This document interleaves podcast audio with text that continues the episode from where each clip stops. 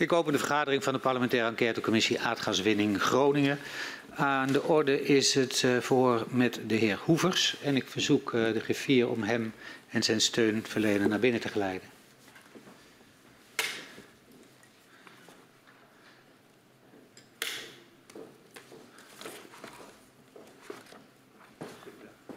Middag.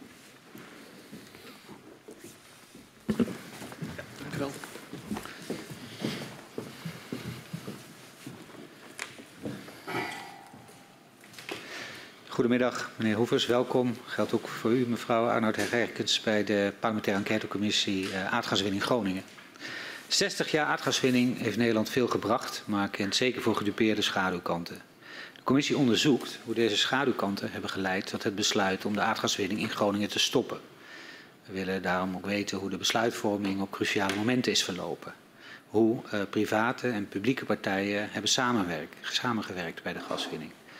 We onderzoeken de aardbevingen, de ontwikkeling van kennis daarover, de afhandeling van schade veroorzaakt door de bevingen en het proces van het versterken van gebouwen in Groningen.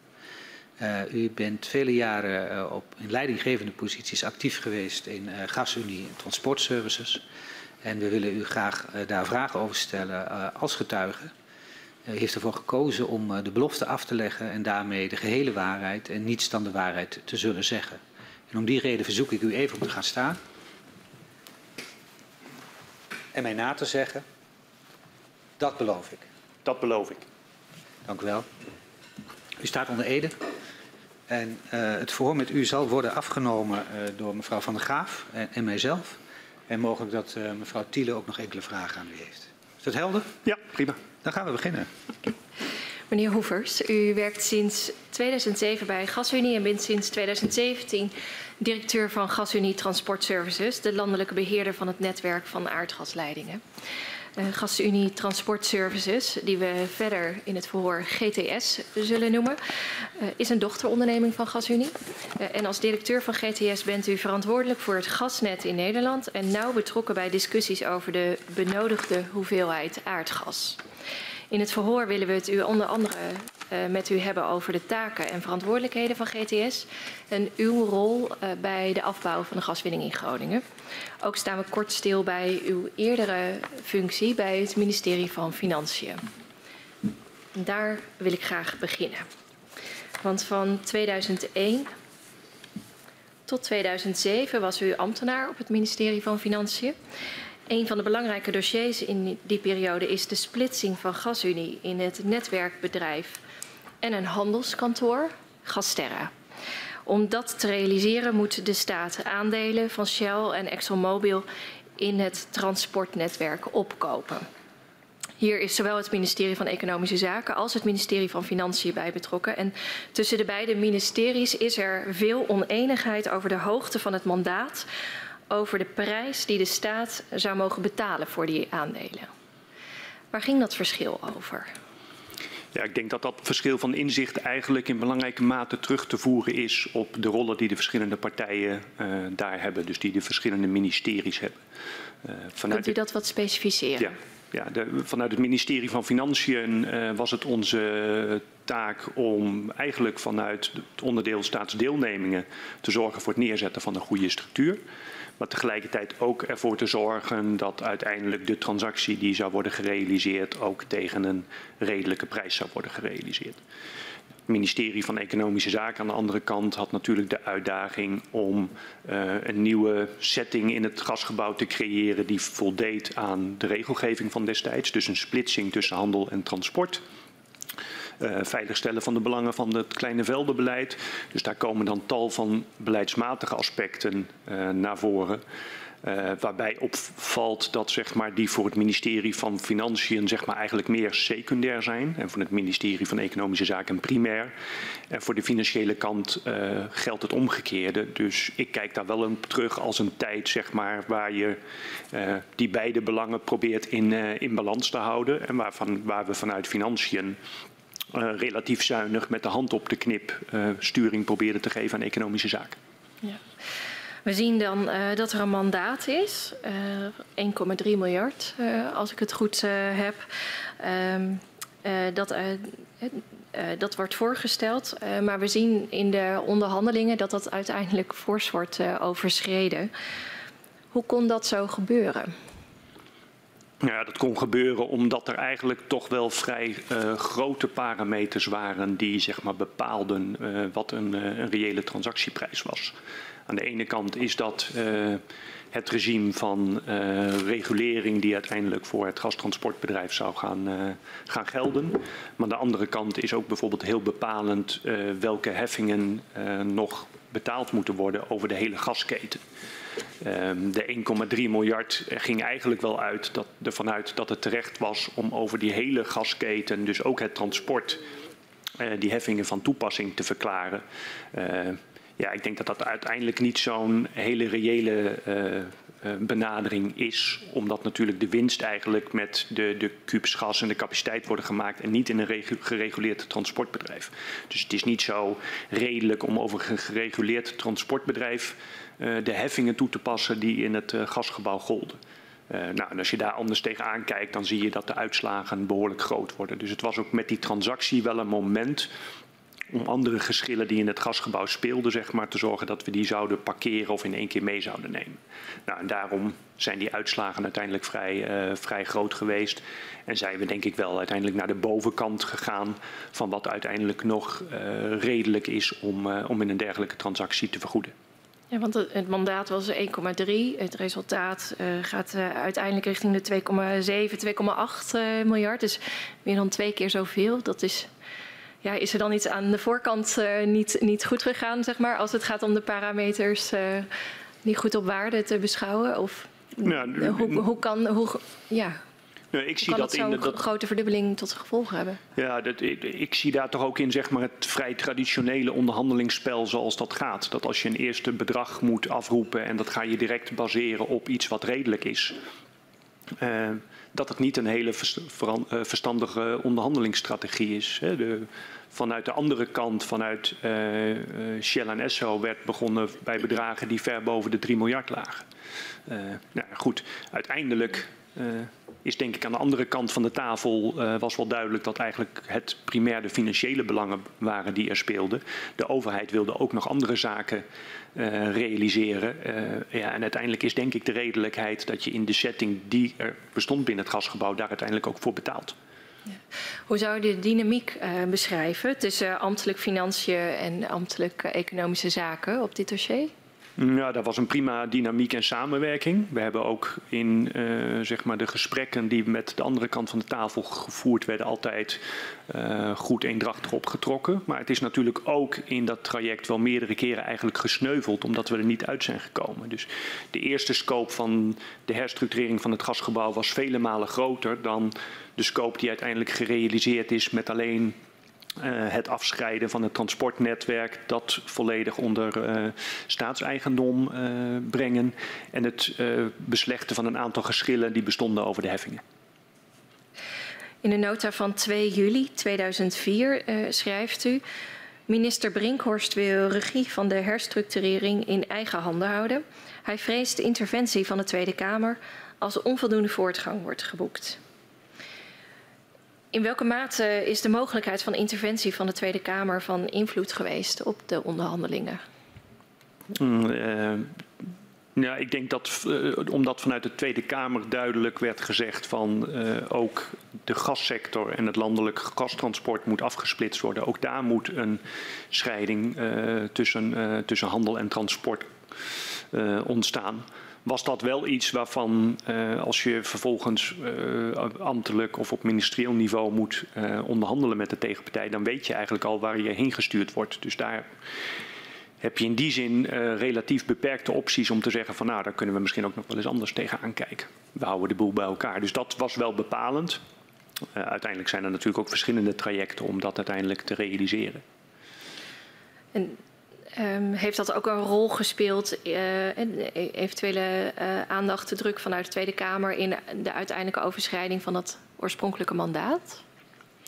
Ja, kijk, ik denk dat, dat waar, waar, ik net al zei, van dat daar toch wel aan de bovenkant is uitgekomen. Dat was omdat er toch wel een druk was om die afzondering van het transportbedrijf te realiseren. Dus dat is zonder meer. waar. Als, die, als dat niet had gehoeven, ja, dan hadden we denk ik nog op een paar keer de kunnen zeggen van nou, het hoeft allemaal niet zo. En dan wordt het toch altijd weer, weer beter in de onderhandelingen. Want ik denk dat uiteindelijk Shell en Esso ook geen lange termijn uh, belang in het transportbedrijf hadden willen hebben. En hoe beoordeelt u, hoe beoordeelt u achteraf nou, de hoogte van het bedrag dat uiteindelijk is betaald? Nou, zoals, ja, zoals ik denk ik al gezegd heb, toch bovenin, uh, bovenin de bandbreedte, maar daarmee nog wel net te verdedigen. Nog net te verdedigen? Ja. Dank u wel. Ja. Toch nog één vraag over dat mandaat. Want het mandaat is niet uh, zeg maar het, bod, uh, het openingsbod in je onderhandelingen. Het is een intern afgesproken mandaat. dat wordt meegegeven aan degenen die, ga, die gaan onderhandelen. Niet de eerste inzet. Het is toch gek dat dat mandaat zo laag is gesteld, gelet op alle argumenten die u net noemde? Nou, nee, ik denk dat het in die tijd, zeg maar, want het was uh, vrij vroeg in uh, het traject en ook nog wel behoorlijk wat jaren voordat er uiteindelijk die, die splitsing is gerealiseerd, uh, was er niet het idee dat dit, zeg maar, het eindbod was, maar was het een mandaat wat, zeg maar, in de tijd van toen gezien moest worden. Dus als je met iemand gaat onderhandelen waarvan je weet dat je de tijd hebt, uh, ja, dan, dan, begin je met een vrij zuinig mandaat, omdat het ook een belang was om wel uh, financieel zo gunstig mogelijk uit te komen. Oké. Okay. Um, in 2007 stapt u over naar GasUnie Transport Services. En vanaf 2012 wordt u manager netwerkontwikkeling. Op welke manier speelde het vraagstuk van leveringszekerheid voor de aardbeving in Huizingen een rol in uw werk? Nou, eigenlijk speelde dat maar um, een hele beperkte rol. Uh, omdat uh, analyses over leveringszekerheid. Uh, we waren als Nederland een land wat zeg maar gemiddeld over de jaren heen 80 miljard kubieke meter aardgas produceerde uit de mengeling van Groningen en Kleine Velden. Um, en als je als land zit op een jaarlijkse productie die twee keer je eigen vraag is, ja, zijn dat relatief simpele analyses, zeg maar. Dus leveringszekerheid was in die zin eigenlijk altijd een, uh, een vanzelfsprekend vraagstuk waar je niet aan hoefde te rekenen. Mm -hmm. En welke factoren waren of zijn er van invloed dan op de leveringszekerheid? Had u die wel scherp? Ja, wij hadden bijvoorbeeld heel scherp wat uh, de verwachtingen waren voor de productie van de kleine velden. Wij hadden heel scherp een lange termijn beeld van wat Gasterra uiteindelijk wilde verkopen, wat uit het Groningenveld zou worden geproduceerd. Dus wij hadden daar vooruitzichten die 10 tot 15 jaar zeg maar, maar vooruit gingen. En hoe scherp werd dan nog gelet op de jaarlijkse productie uit het Groningenveld, ook in het licht van leveringszekerheid.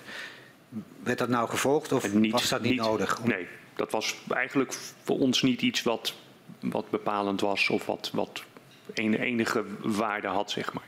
Ja. We zien uh, ook voor Huizingen dat als het gaat om de productie van het Groningenveld er best wel een flinke fluctuatie is. En natuurlijk ook samenhang met de productie uit de kleine velden. Maar dat was uit oogpunt van leveringszekerheid eigenlijk geen issue. Nee. nee. nee. Uh, lagen er wel draaiboeken voor het geval uh, een groot deel van de productie zou wegvallen? Bijvoorbeeld uh, dat door een calamiteit alle productie uit het Slochterenveld stil zou komen te liggen? Nee, dat was in die tijd niet, waren dat geen scenario's waar wij, waar wij rekening mee hielden. En het was ook niet iets waar het Rijk ja, om gevraagd had om bij het optreden van een calamiteit ook een plan B te hebben? Nee, nee. dat begon te spelen vanaf het moment 2013 waarin we de analyses over de leveringszekerheid zijn gaan, uh, gaan doen. Oké. Okay. In de jaren dat u manager netwerkdevelopment bent, de jaren 2013 tot 2017 eh, zijn dat, wordt in opdracht van het ministerie van Economische Zaken onderzoek gedaan naar de verandering van de gaskwaliteit in de Nederlandse markt. Uh, dat komt voort uit de voorspelde terugloop van gas uit het Groningenveld. Er zal minder laagcalorisch gas uit Groningen worden verkocht en meer hoogcalorisch gas. En die studie wordt de Edgar-studie genoemd. De vraagstelling bij dat onderzoek is hoe te komen tot een zo lang mogelijke verlenging van de transitieperiode. Wat was daar het belang van? Ja, daar was het belang eigenlijk om uh, te zorgen dat op, op lange termijn er nog voldoende ruimte uh, in, in, in de gasmarkt was. Uh, vanuit het, het Nederlands perspectief en tegelijkertijd wel de internationale gasstromen die een andere kwaliteit hadden. Toen was met name de zorg als er veel vloeibaar gas binnenkomt in, in Rotterdam. En dat zit buiten de bandbreedte, kunnen de huidige gasketels met een hele beperkte marge kunnen die dat aan. Dus uiteindelijk heeft dus ook dat rapport erin geresulteerd dat die marge in de gasapparatuur breder moest, moest worden. Um, en uiteindelijk een stap verder, dat werd voorzien dat Groningen nog wel nog wel even door zou produceren op een vrij hoog niveau, maar daarna wel snel zou, uh, zou dalen, is ook als uitvloeisel van die studie zijn afspraken met omringende landen gemaakt dat zij vanaf 2020 hun uh, gasmarkt zouden, uh, hun L-gasmarkt zouden afbouwen en ombouwen naar hoogkalorisch gas. Dus daarmee is ook destijds eigenlijk een lange termijn perspectief gegeven op uh, de laagcalorische gasmarkt maar nog wel vanuit uh, een scenario met blijvend uh, hoge gasproductie uit Groningen van ongeveer ruim 40 miljard kub, waardoor uiteindelijk na een aantal jaren een vrij snelle daling inzet. In de context van die studie lezen we dat GTS in 2012 van mening is dat structurele kwaliteitsconversie, dat wil zeggen hoogkalorisch gas omzetten naar laagkalorisch gas door er stikstof bij te mengen, dat het onwenselijk is om de vermindering van laagkalorisch gas uh, mee op te vangen. Waarom vond GTS uh, structurele kwaliteitsconversie onwenselijk? Ja, wij vonden dat onwenselijk eigenlijk vanuit de gedachte uh, dat uh, zeg maar het gebruik van laagkalorisch gas met een afwijkende kwaliteit uh, is alleen ontstaan omdat het Groningenveld zo groot was en dus de regio kon voorzien daarmee. Um, het uh, toevoegen van stikstof en daarmee het zoals de Belgen heel mooi noemen, het verarmen van het gas. Nou, dat geeft het eigenlijk al aan. Dat is niet iets wat waarde toevoegt. En daarnaast kost het nog geld om dat uh, te doen. Dus deze uitspraak dat het uh, structureel uh, kwaliteitsconversie daarin investeren in bijbouw ongewenst is, komt daar vandaan. Als wij, zoals ik net noemde, de teruggang van Groningen niet hand in hand zouden laten gaan met een daling van ook de gasvraag, uh, ja, dan zou dat eigenlijk betekenen dat je iedere drie jaar weer een nieuwe, in een nieuwe stikstoffabriek moet investeren om te zorgen dat ook uh, de hele markt, Nederland, uh, een deel van België, Duitsland en Frankrijk, voorzien kan worden. En daarmee was het een heel verstandig besluit om aan het buitenland te vragen of zij hun laagcalorische gasmarkt konden verlagen. Dat was voor die landen ook relatief eenvoudig, omdat zij al uh, apparatuur hebben die zowel op laag als hoogcalorisch gas kan branden. Dus het was voor hen een, een operatie die, uh, die te doen was. En daarmee voorkwamen we in ieder geval voor een deel dat er structureel geïnvesteerd zou moeten worden in kwaliteitsconversie. En in dit licht, uh, kunt u dan nog eens toelichten waarom dan die transitieperiode zo lang mogelijk moest zijn? Nou ja, de transitieperiode moest uh, zo lang mogelijk zijn om uh, nog wel ruimte te bieden voor het Groningse gas. om vanuit de wettelijke taak te faciliteren dat het Gronings gas ook op de markt gebracht kan worden, moet er ook wel ruimte zijn voor die gasmarkt. Met andere woorden, als je ook voor Nederland een plan zou maken om heel snel van het laagkalorisch gas af te komen, dan had je in die tijd niet meer uh, vooruitzicht te kunnen hebben met nog Groningen productie tot de eind van dat het veld helemaal, uh, helemaal leeg geproduceerd is. Dus vanuit de belangen van uh, de productie van Gronings gas was een lange transitietermijn belangrijk. De gekozen route in 2012 is uh, om gefaseerd uh, apparaten om te bouwen en om niet in te zetten op die structurele kwaliteitsconversie. Uh, tegelijkertijd zien we in een presentatie van dat jaar, in juli 2012, dat het ministerie geen nader onderzoek wenst naar de ombouw van apparaten. hoe verklaart u die opstelling van economische zaken? Nou, ik denk dat die opstelling uh, gekomen is omdat al wel heel snel bleek dat eigenlijk als je in Nederland een vergelijkbare operatie zou willen doen als in het buitenland, dat dat heel ingewikkeld was. Uh, het land was helemaal in ieder geval voor huishoudens en kleine bedrijven toegesneden op, op Gronings gas en die kwaliteit. Uh, als je dan apparatuur zou willen vervangen, is dat een behoorlijke operatie, los van uh, wet en regelgeving die daar dan nog aan, uh, aan vooraf moet gaan. Ehm, die complexiteit gecombineerd met dat de markt al behoorlijk hard omlaag zou gaan door die export in tien jaar af te bouwen, maakt het eigenlijk in die periode tot een ehm, nou ja, een, een, weinig nuttige exercitie. En ik denk dat dat de, de achtergrond is geweest. En uh, een complete markt ombouwen, dat, dat kan ik dan volgen. Maar als je dan uh, bijvoorbeeld eerst gaat kijken naar grootverbruikers, zoals later in de tijd ook uh, iets gedaan, is dat iets wat toen op tafel heeft gelegen?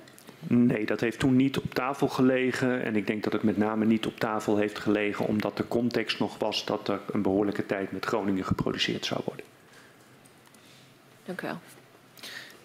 En dat lange doorgaan met de productie betekent natuurlijk ook dat je de waarde van het gas uh, te gelden kunt maken. Ja. ja. Dan, dan, dan, dan, stel je op lange termijn uh, de gasbaten veilig.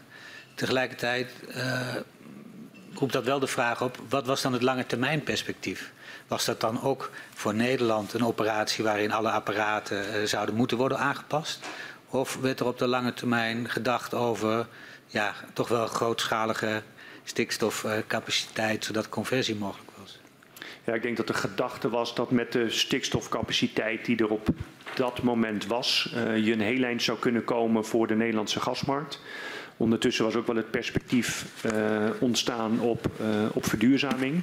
Dus minder uh, gas in, in de huishoudens, hybride warmtepompen, elektrische warmtepompen. Dus er ontstond ook het beeld dat het verstandiger zou zijn om die stap naar verduurzaming in één keer te maken dan zoals in het buitenland zou gebeuren eerst van de laagcalorische gasketel naar de hoogcalorische gasketel en dan naar een warmtepomp. Ja. Uh, ik denk dat dat perspectief alleen heeft kunnen bestaan omdat de gedachte was dat Groningen nog wel even vooruit kon. Ja, dus als ik u goed versta, dan was eigenlijk een scenario waarin grootstalig gasapparaten in Nederland zouden moeten worden aangepast, werd dat niet verwacht. Omdat nee. de verduurzaming zou doorgaan. Ja. En er was eigenlijk voldoende stikstofcapaciteit ja. om de overgebleven vraag te dekken. Ja. In augustus uh, 2012 vindt dan uh, de aardbeving plaats bij Huizingen. Staatstoezicht op de mijnen komt later dat jaar met het advies om de gasproductie uit Groningen, en ik citeer, zo snel mogelijk en zoveel als mogelijk en realistisch is terug te brengen. Op 24 januari 2013 stuurt minister Kamp een brief aan de Tweede Kamer waarin hij aangeeft niet in te grijpen in de Groningen productie. In verschillende voorbereidende nota's van ambtelijk EZ staat echter dat er bij GTS de capaciteit is om 20 miljard kubieke meter hoogkalorisch gas om te zetten in laagkalorisch gas door er stikstof aan toe te voegen. Kunt u dat bevestigen? Ja, dat klopt. Ja.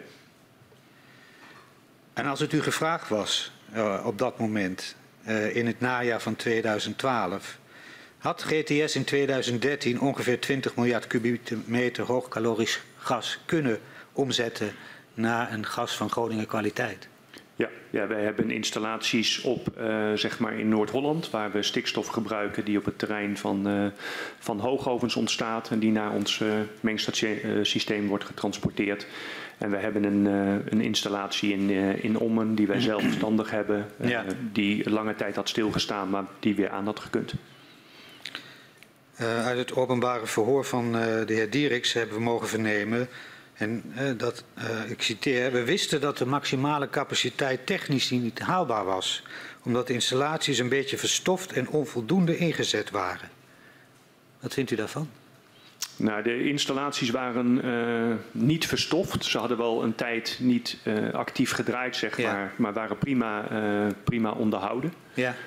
Um, ik denk dat later he, de, de uh, inzetbaarheid uh, is later wel aan de orde geweest op momenten dat je zeg maar maximaal zou gaan, gaan sturen. Toen zijn we uh, aan de voorzichtigere kant begonnen met 85% inzet. Ja. Ja. Maar toen was dat absoluut nog niet aan de orde. Het was als een auto die weliswaar lang niet gereden had, ja. maar wel goed onderhouden op de oprit stond. Dus u verzag geen grote problemen. Als u gevraagd zou zijn om 20 miljard kuub conversie toe te passen. Nee, nee. Ja. We lezen in een e-mailwisseling uit februari uh, 2013, dus een maand eigenlijk ongeveer nadat het besluit uh, bekend is gemaakt om onderzoeken te doen en niet in te grijpen, uh, dat u pas nadat er vragen van journalisten zijn binnengekomen, contact heeft met ambtelijk inzet over de conversiecapaciteit. Klopt dat? Ja, dat klopt. Ja. Dus u bent daarvoor niet benaderd met de vraag of, u, of dat zou kunnen. En u bent ook niet benaderd met vragen over hoe staat het met de leveringszekerheid op dat moment in de tijd. Nee, nee wij zijn voor het eerst benaderd op het moment dat wij, uh, zoals bekend, onderzoek 7 uh, zouden gaan uitvoeren als onderdeel van uh, de verschillende ja. onderzoeken die, die minister Kamp heeft uitgezet. Ja.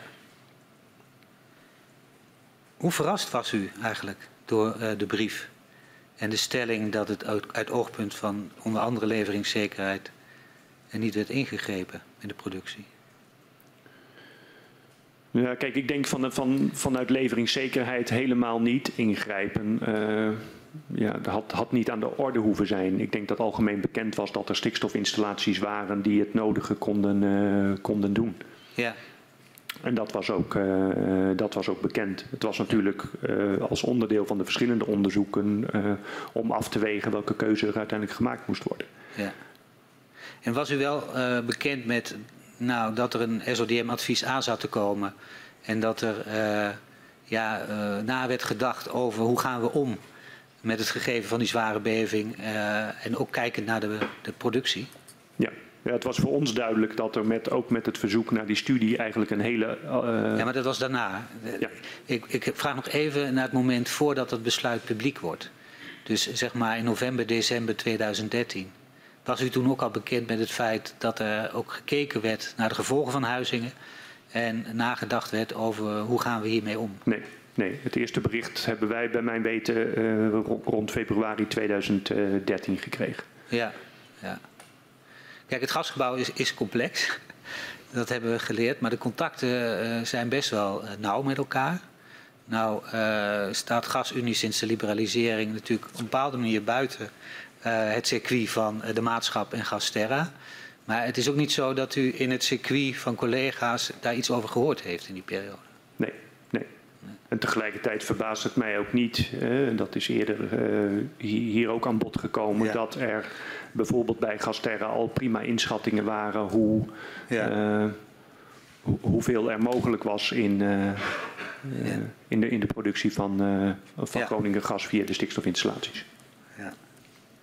Maar dat roept dan ook de vraag op, daar waar GTS de eerst aangewezen partij is om inzicht te bieden in de leveringszekerheid, waarom u niet benaderd bent, terwijl Gasterra uh, wel met die vraag is benaderd, zo hebben we kunnen constateren. Terwijl daar ook nog de complicatie zat van de remitregels. Omdat die partij op de markt opereerde en mogelijk ja, in een spanningsveld terecht zou komen. Hoe kunt u dat verklaren?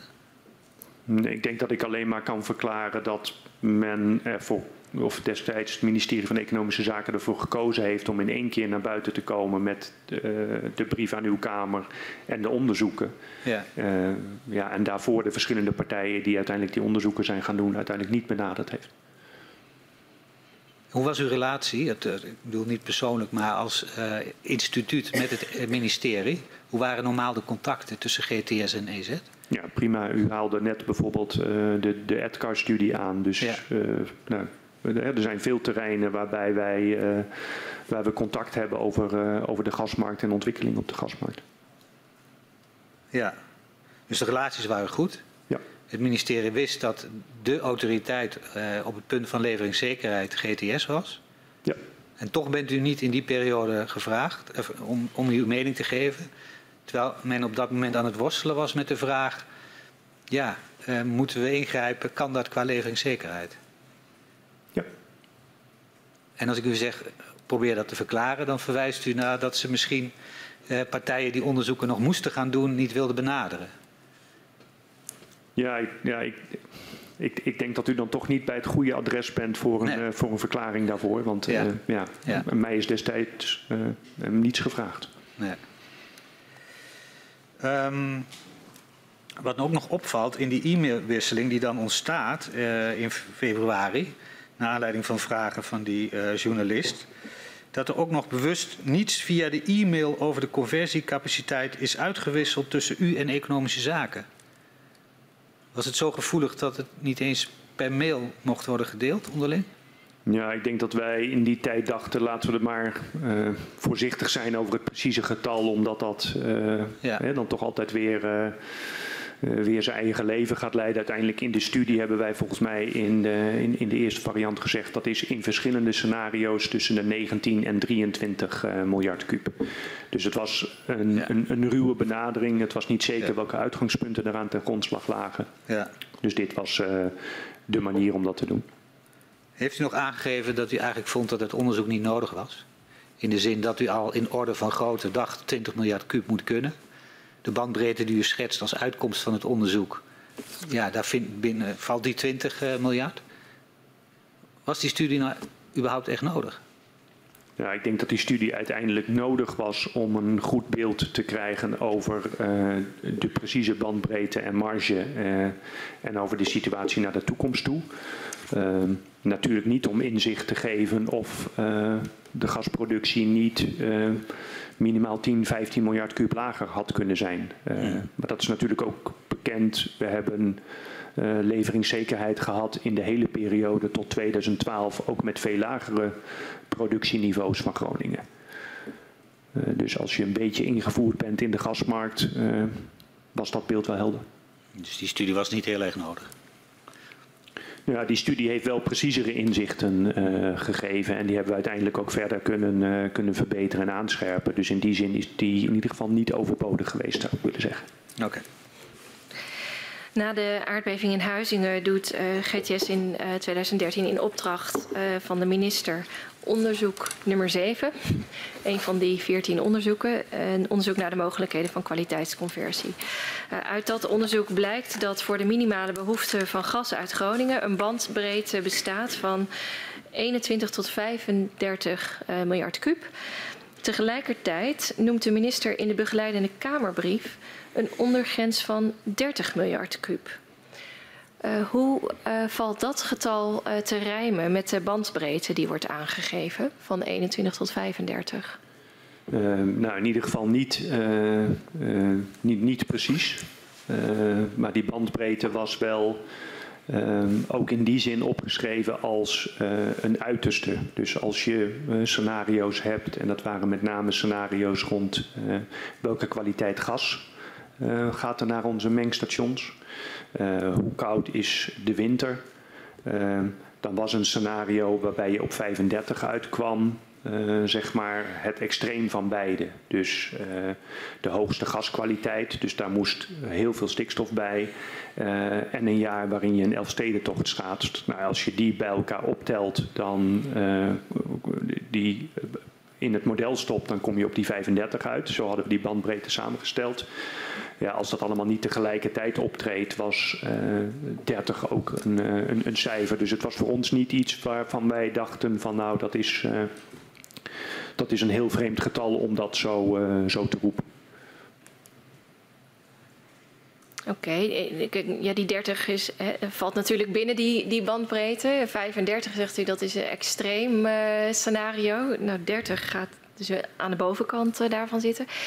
Um, weet u hoe het ministerie daar dan aan kwam om die 30 dan echt als ondergrens op te nemen en zo te benoemen in de Kamerbrief? Omdat uw onderzoek een bredere bandbreedte schetste met een ondergrens van 21. Ja, nee, wij zijn bij die keuze niet, uh, niet betrokken. Nee, heeft u daar ooit nog navraag naar gedaan van hoe komen jullie nou aan die 30? Ja, niet dat ik mij kan herinneren. En GTS heeft hem ook niet zelf aan het ministerie aangedragen van nou als je op 30 zit dan zit je safe. Om het maar even huiselijk te zeggen. Nee, nee. In 2015 speelt die ondergrens uit het rapport van 2013 een belangrijke rol in de parlementaire discussie over gaswinning in Groningen. Uh, in de Kamerbrief van februari 2015, waarin het besluit voor een nieuw jaarlijks plafond wordt aangekondigd, spreekt de minister van 33 miljard kuub als ondergrens. Maar dat getal wordt niet genoemd in eerder genoemd onderzoek van GTS. Waar kwam die 33 miljard kuub als ondergrens vandaan?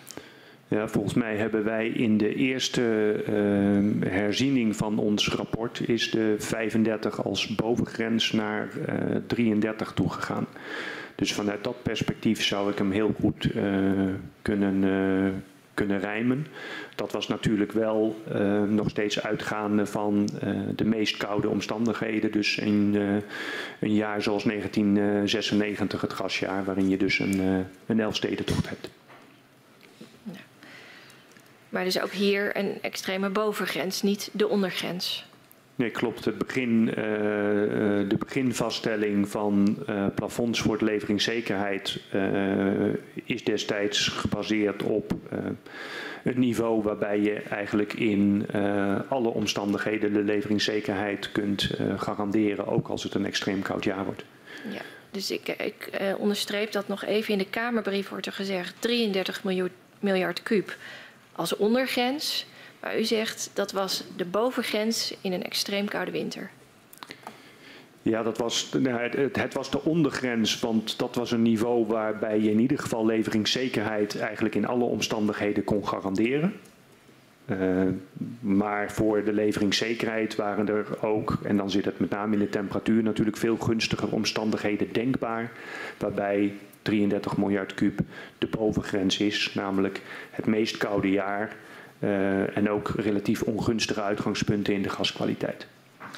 Hoe werd GTS betrokken bij het opstellen van die Kamerbrief?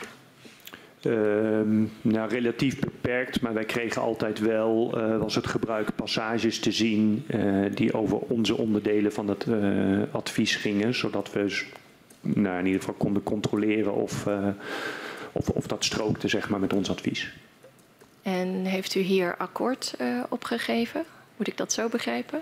Ja, kijk, dat was niet aan ons om, om akkoord op te geven. Want uh, wij keken daarna van, uh, is, is, is dit begrijpelijk, is het in lijn met ons advies?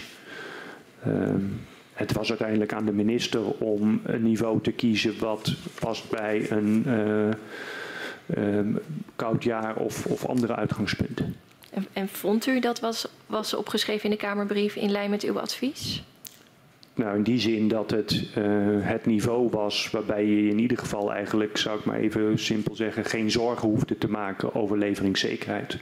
Dus als NAM per jaar 33 miljard kub kon produceren, uh, dan was daarmee de leveringszekerheid geborgd en hoefde je niets anders te regelen, uh, behalve dat NAM dat dan vervolgens netjes over het jaar uitspreidt. We zien in e-mailconversaties uit die tijd dat Gasterra al meer dan 33 miljard kuub had verkocht voor 2015. In hoeverre speelde dat een rol bij het opnemen van die grens van 33 miljard kuub? Ja, bij ons heeft dat uh, geen enkele rol gespeeld, want wij keken naar uh, het niveau wat de laagcalorische gasmarkt uh, nodig had voor leveringszekerheid. Dus dat was een gasvraag in Nederland bij een temperatuurscenario in Duitsland, België en Frankrijk.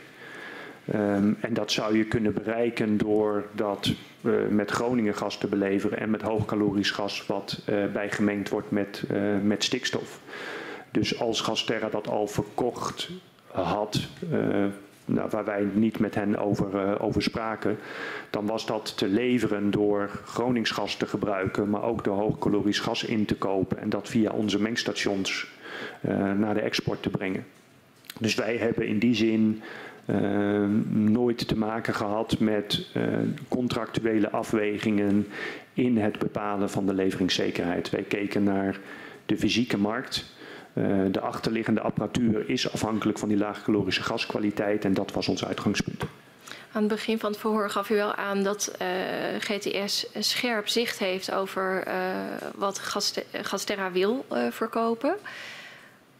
Um, die 33, zat dat in de plannen waar jullie ook zicht op hadden? Ja, ik denk dat dit eigenlijk het moment was uh, waarop we veel minder contact hadden met Gasterra over de lange termijn plannen.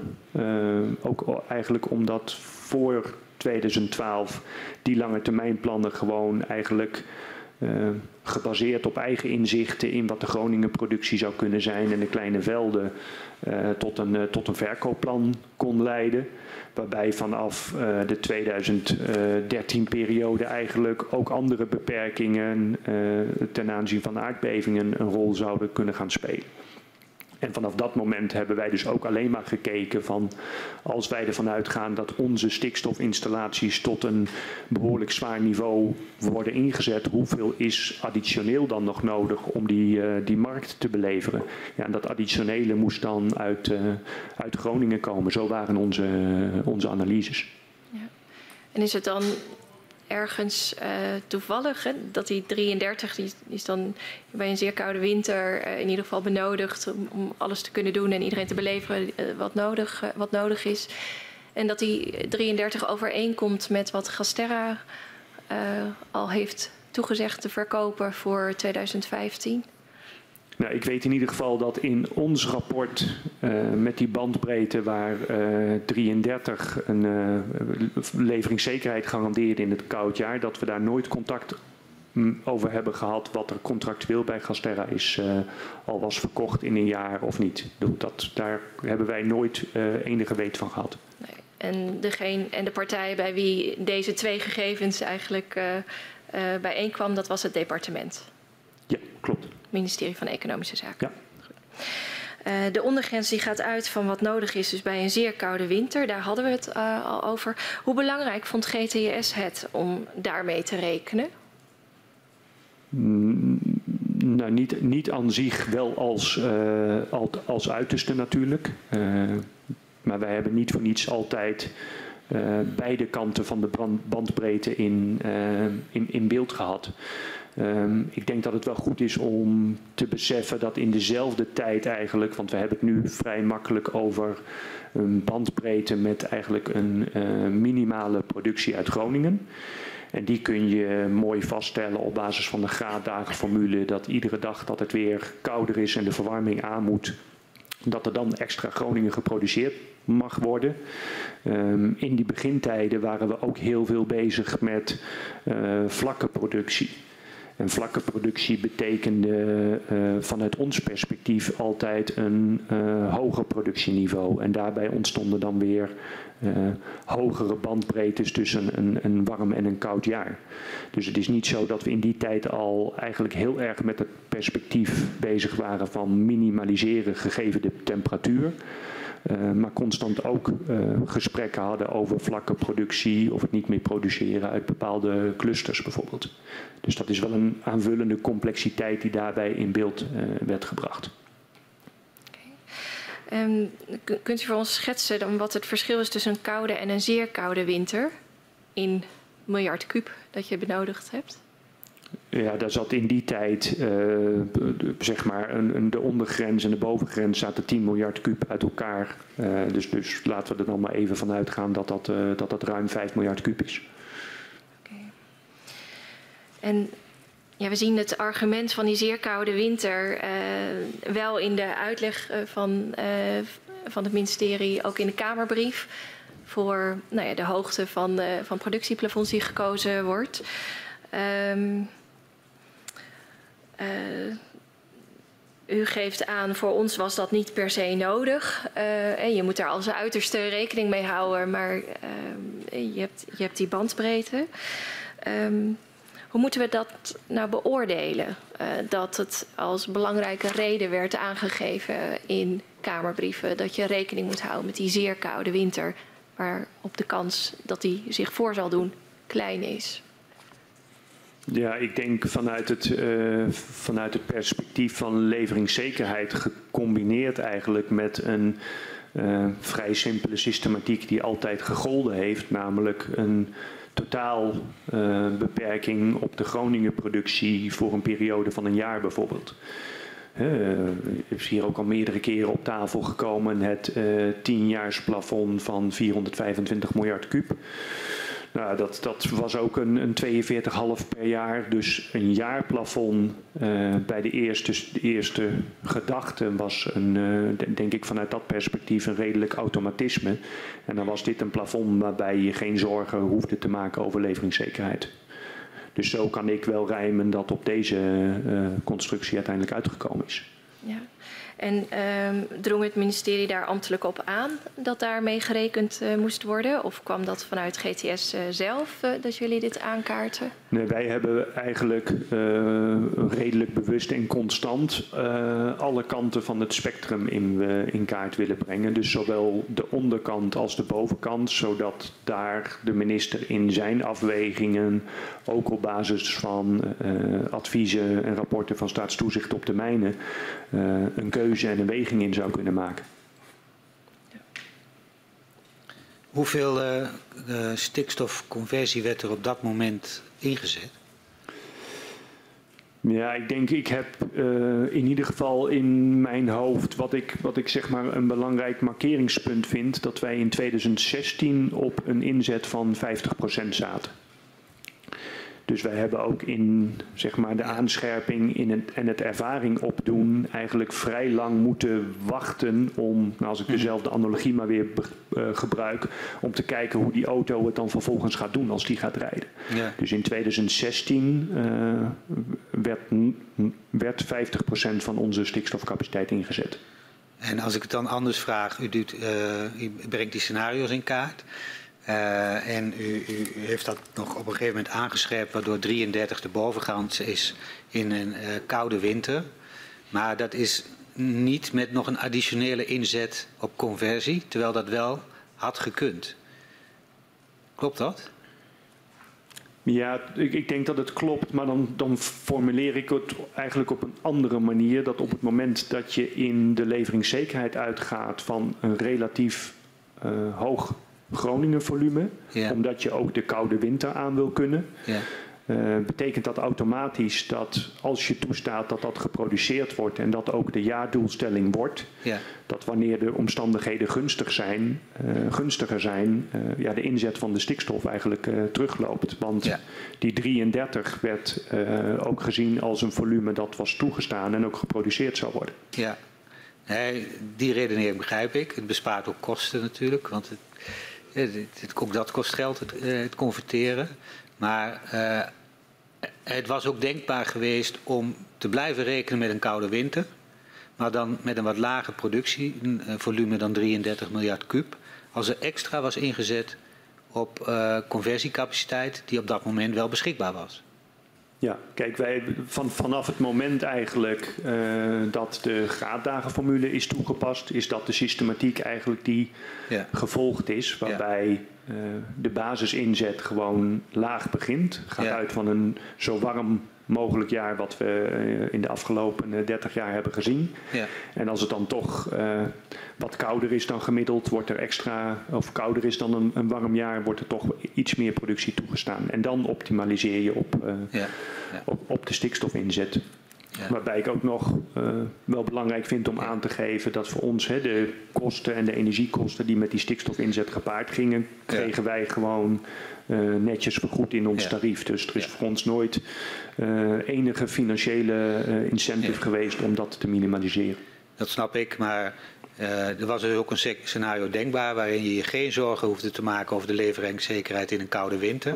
Maar door wat meer conversiecapaciteit in te zetten, die op een lager productievolume was uitgekomen dan 33 miljard kub dat jaar. Ja, als het dan geen koude winter was geweest, was je lager uitgekomen. Ja, dat vroeg ik niet.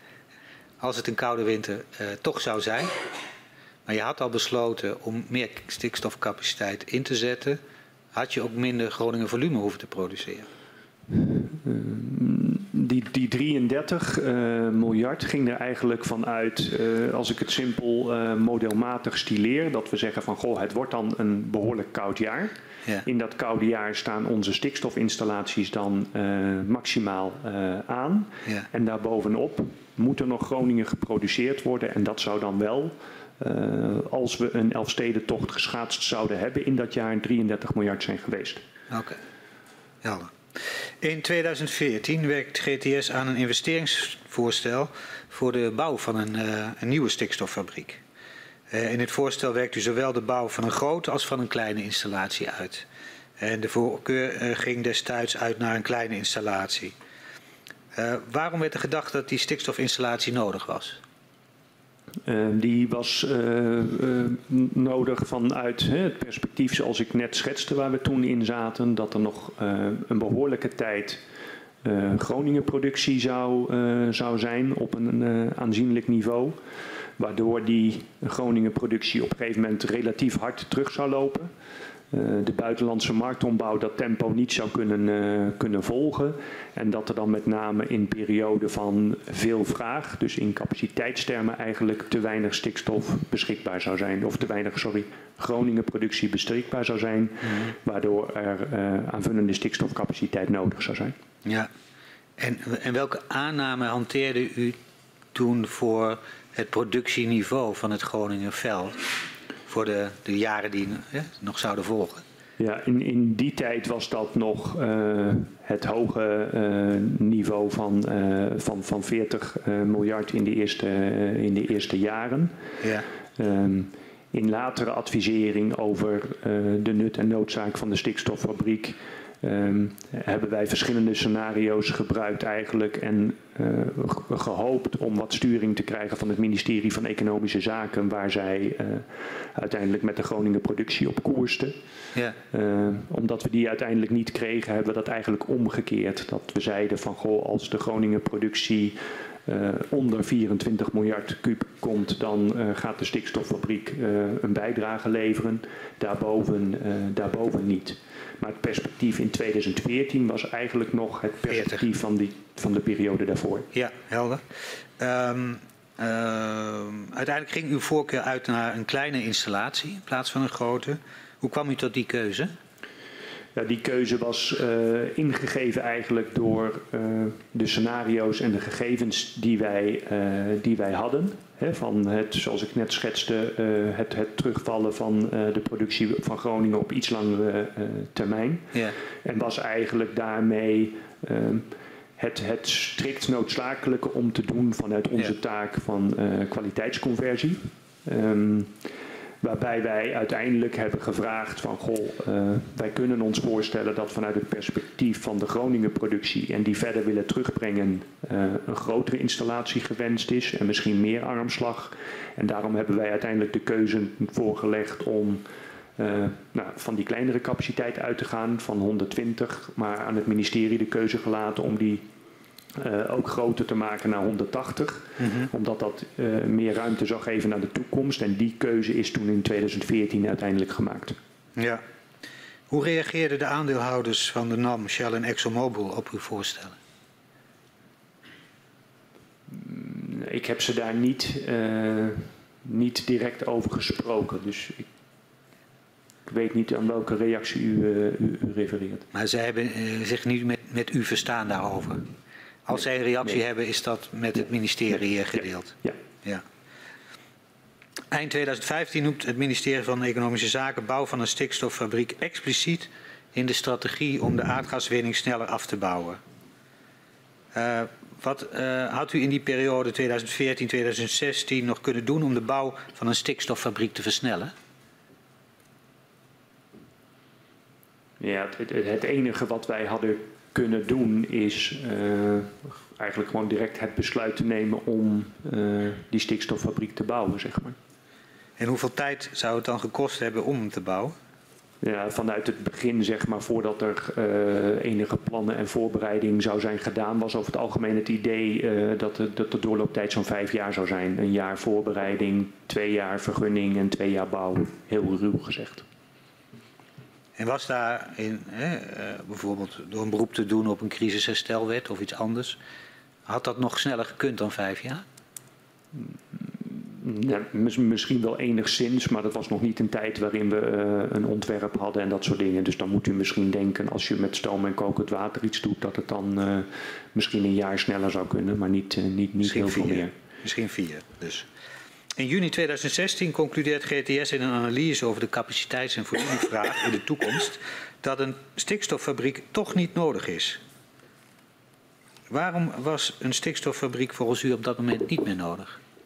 Nou, zoals ik net aangaf, was uh, het eerste beeld waarom hij nodig was, was dat de Groningen productie nog op een behoorlijk niveau zou blijven uh, en dan het veld snel aan druk zou uh, verliezen Ondertussen was de Groningen productie uh, verlaagd. U gaf net al aan het niveau van 30, uh, 30 miljard kuub. Dus dat was een stuk, uh, een stuk lager. En daarmee werd dat profiel naar de toekomst toe een heel ander profiel. Dus vanuit onze zeg maar traditionele aanpak naar de toekomst toe kijken met de capaciteitsinputs en outputs die wij kenden, was die fabriek niet meer nodig als wel bepaalde gasopslagen uh, gegarandeerd in stand zouden, uh, zouden blijven. Uh, en daarnaast wisten wij natuurlijk heel goed dat er ook een ander perspectief was op dit vraagstuk, namelijk hoe ver wil je omlaag met Groningen. Mm -hmm. nou, en daar konden wij, omdat we daar geen guidance over hadden, alleen maar zeggen wanneer een stikstoffabriek toegevoegde waarde had. Uh, en in die zin is dat dus ook eigenlijk een vrij compacte analyse geweest in die brief en is die eerste ja. analyse veel langer. Maar we hebben daarmee de keuze willen laten om het uh, alsnog wel te besluiten. Immers, er was in 2014 ook gezegd, ga maar uit van een grote installatie. Nou, en als ik even terughaal wat u daar straks zei, dan uh, om even goed te begrijpen wat u zegt. het productieniveau was toen al verlaagd, zeg maar.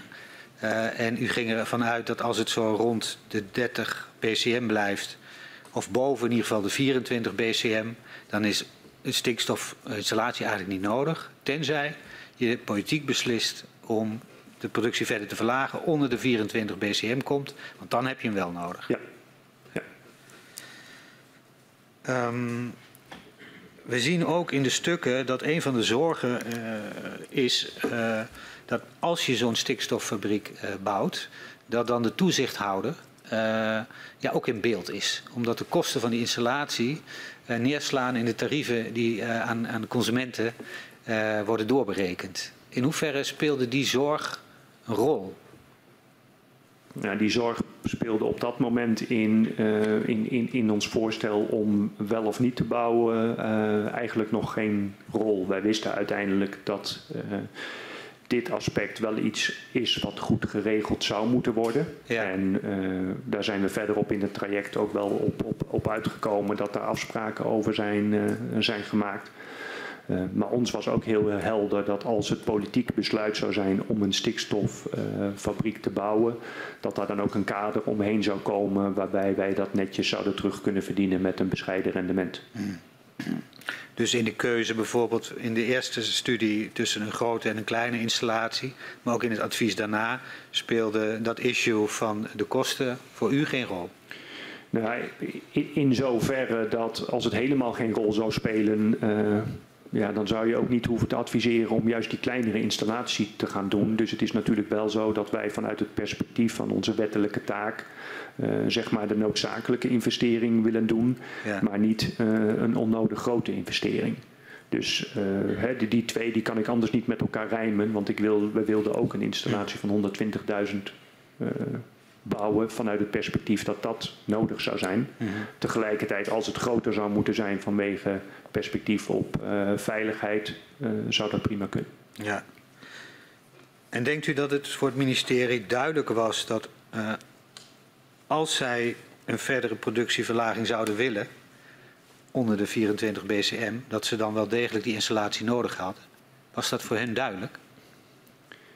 Ja, ik, Volgens mij was dat voor hen uh, glashelder, want wij hebben toen eigenlijk vrij lang eerst uh, gesprekken gehad over geef ons scenario's waar u mogelijk met Groningen heen wil, want dan kunnen wij bekijken of een stikstoffabriek uh, nuttig en noodzakelijk is vanuit dat perspectief, hoeveel die dan bijdraagt. Ja. Uh, nou, die gesprekken liepen stuk omdat het ministerie zei wat ik me wel kan voorstellen. Wij willen ons nu niet al uh, vastbinden op toekomstscenario's ten aanzien van Groningen. Daar ja. spelen meerdere aspecten een rol.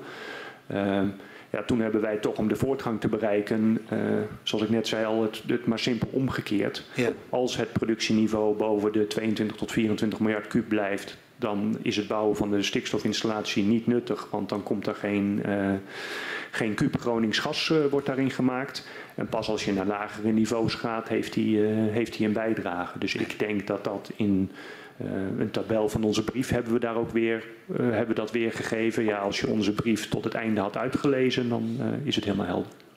Maar u heeft daar geen specifieke vragen nog over gekregen nadat die brief was verstuurd? Ja, kijk, ik denk dat wij wel, in, wel intensief alles wat in die brief staat met het ministerie hebben besproken. Dus dat was volgens mij geen reden meer als je het er zo intensief over hebt gehad om na die brief nog eens een keer eh, gesprekken Ja. te hebben. Wie heeft uiteindelijk besloten om eh, in dat jaar geen opdracht tot de bouw van een stikstoffabriek eh, te verstrekken?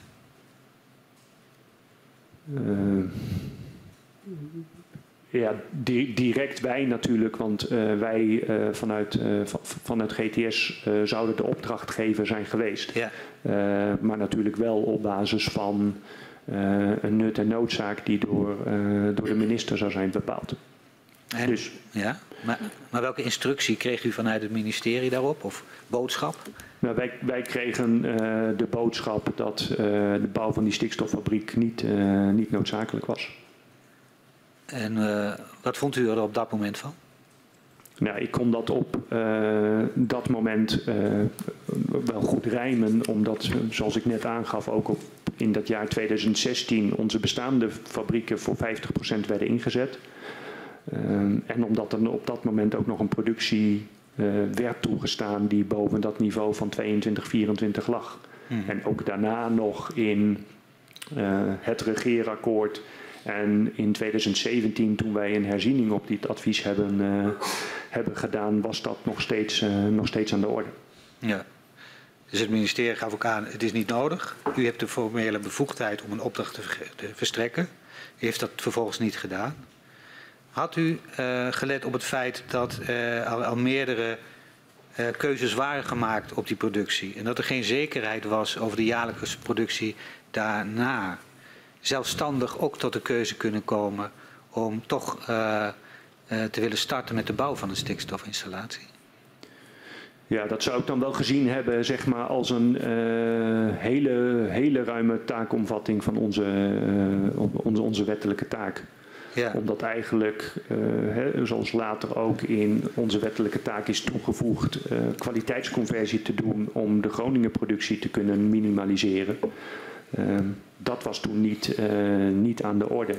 Onze besluiten eh, nemen wij op basis van eh, nut, noodzaak en dat een project bijvoorbeeld de Rijkscoördinatieregeling volgt. Dus daar ligt wel degelijk voor dergelijke zaken ook terecht, denk ik, de regie bij het ministerie van Economische Zaken. Heeft u het zelf overwogen? Ehm, nee, niet meer na die, eh, nadat we door dat traject waren gegaan, waarbij we uiteindelijk het besluit bij eh, de minister van Economische Zaken hebben neergelegd. In november 2015 stelt de afdeling bestuursrechtspraak van de Raad van State dat het instemmingsbesluit van het ministerie van Economische Zaken ten onrechte uitgaat van een koud jaar en vernietigt dat besluit. De Raad stelt dat Economische Zaken uit moet gaan van een gemiddeld jaar en stelt een maximum van 27 miljard kuub voor. Wat veranderde er in de rol van GTS na deze uitspraak van de Raad van State? Ehm, ja, in, in onze eh, rol eigenlijk eh, niet, omdat wij met ons systeem van eh, transport- en kwaliteitsconversie belevering en aanpassing van de kwaliteit mogelijk maakten. Het is aan Gasterra om daar sturing aan te geven, zeg maar, door minder Groningen te produceren of minder Groningen te produceren als relatief warme dagen zijn. Uh, gaat automatisch onze stikstofinstallatie uh, harder aan het werk, omdat wij meer hoogkalorisch gas binnenkrijgen om de markt te beleveren. Dus dat is eigenlijk een automatisme waarbij uh, Gasterra en NAM, het gasgebouw, aan het stuur zit om dat vanuit Groningen productie te realiseren. Ja. En uh, ten aanzien van het ministerie, de rol van GTS richting het ministerie bij nieuwe besluiten over de gaswinning? Ja, ik denk dat daar onze rol eigenlijk uh, startend in uh, onderzoek 7 in 2013 uh, steeds serieuzer is en meer geformaliseerd tot het moment in 2018. waarbij ook in de gaswet is vastgelegd dat wij hierover jaarlijks moeten adviseren en welke voorwaarden daarbij een rol spelen. Ja, want, want hoe, uh, 2013 wordt GTS actief gevraagd, uh, onderzoek nummer 7. Uh, 2018 verandert uh, de wet. Ehm, wat voor, want daar ben ik even naar op zoek. Hoe, hoe geeft GTS in de tussentijd die advisering over leveringszekerheid vorm richting het ministerie? Uh, nou, bijvoorbeeld in uh, op een gegeven moment de herziening van ons uh, onderzoek in, uit, uit, 2013, waaruit de enige aanscherping komt. onder andere door het systeem van de graaddagenvergelijking te ontwikkelen en uit te werken, waarmee je naar een systeem toe kan waarbij je alleen Groningen productie toestaat als daar, als daar vanuit temperatuur de noodzaak voor is. Um, ik denk in de fase waarop onze uh, installaties harder aan het werk moeten, uh, aan, goed aanscherpen uh, welke mogelijkheden er meer zijn.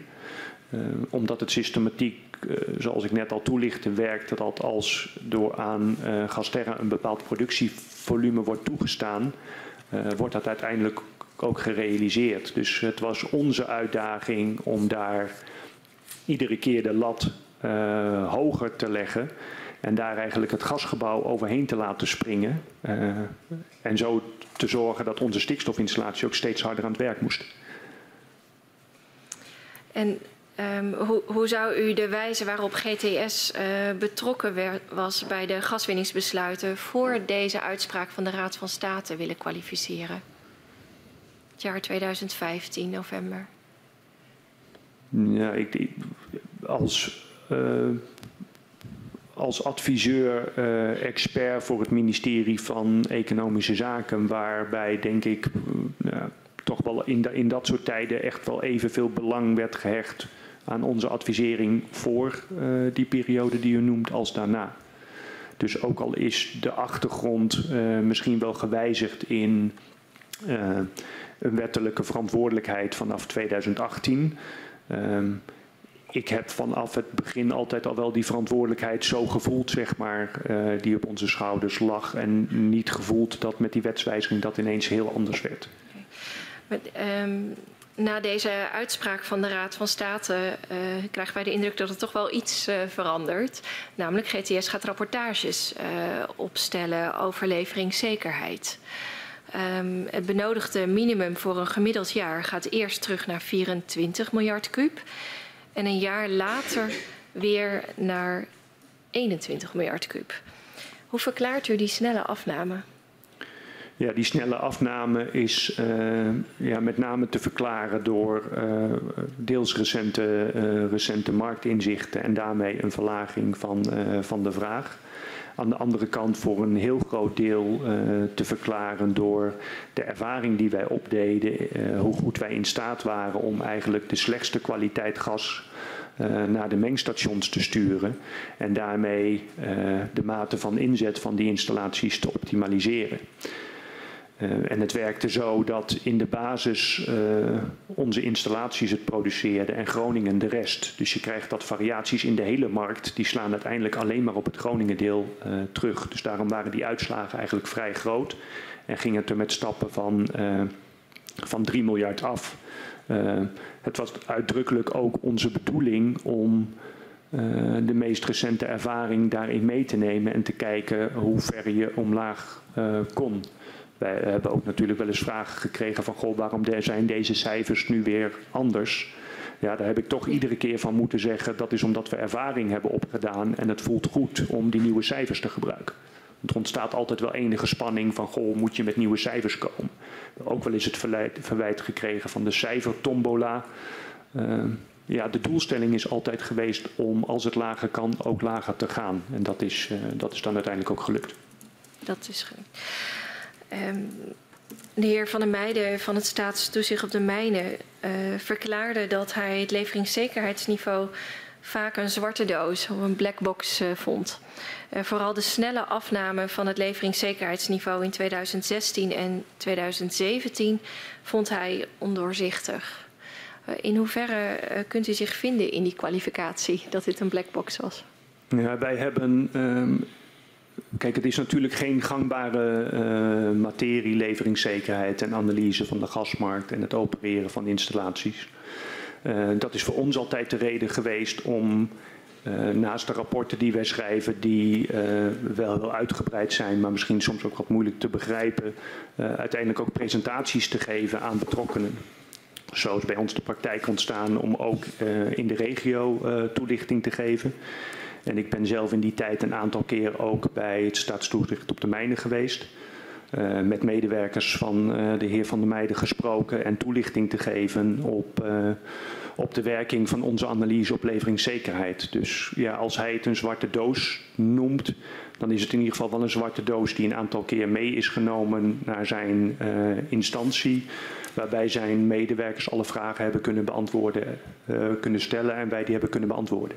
En uh, hoe vaak kwam dat voor en wanneer uh, bent u daar geweest? Ja, ik weet niet meer precies wanneer ik daar geweest ben, maar ik weet zeker dat ik daar twee, drie keer geweest ben om, uh, nou ja, met name vanuit ons perspectief was het belang om inzicht te geven in hoe het, hoe het tot stand kwam. Uh, en daar bijvoorbeeld, omdat er aan de begintijd ook nog wel geworsteld werd met wat is nou een vlakke productie, om duidelijk te maken wat wij onder een vlakke productie verstonden. Bijvoorbeeld omdat dat toch de raakvlakken zijn waar uh, de leveringszekerheid, de markt uh, en de ondergrond een relatie hebben. Dus juist op die punten vond ik het belangrijk om wel, wel contact te hebben. Ja, en kwam het initiatief voor dat contact vanuit GTS of op vraag van SODM? Nee, dat was vanuit ons uh, initiatief. En ja, ik begreep ook dat de heer Van der Meijden zeg maar, eigenlijk twee dingen zegt. Hij zegt aan de ene kant, ik vond het een black box. Aan de andere kant zegt hij, ja, ik wilde er ook eigenlijk niets van weten, want dan zou het me misschien beïnvloeden. Uh, en die laatste houding heb ik aan uh, kant van SODM wel, wel erg gezien.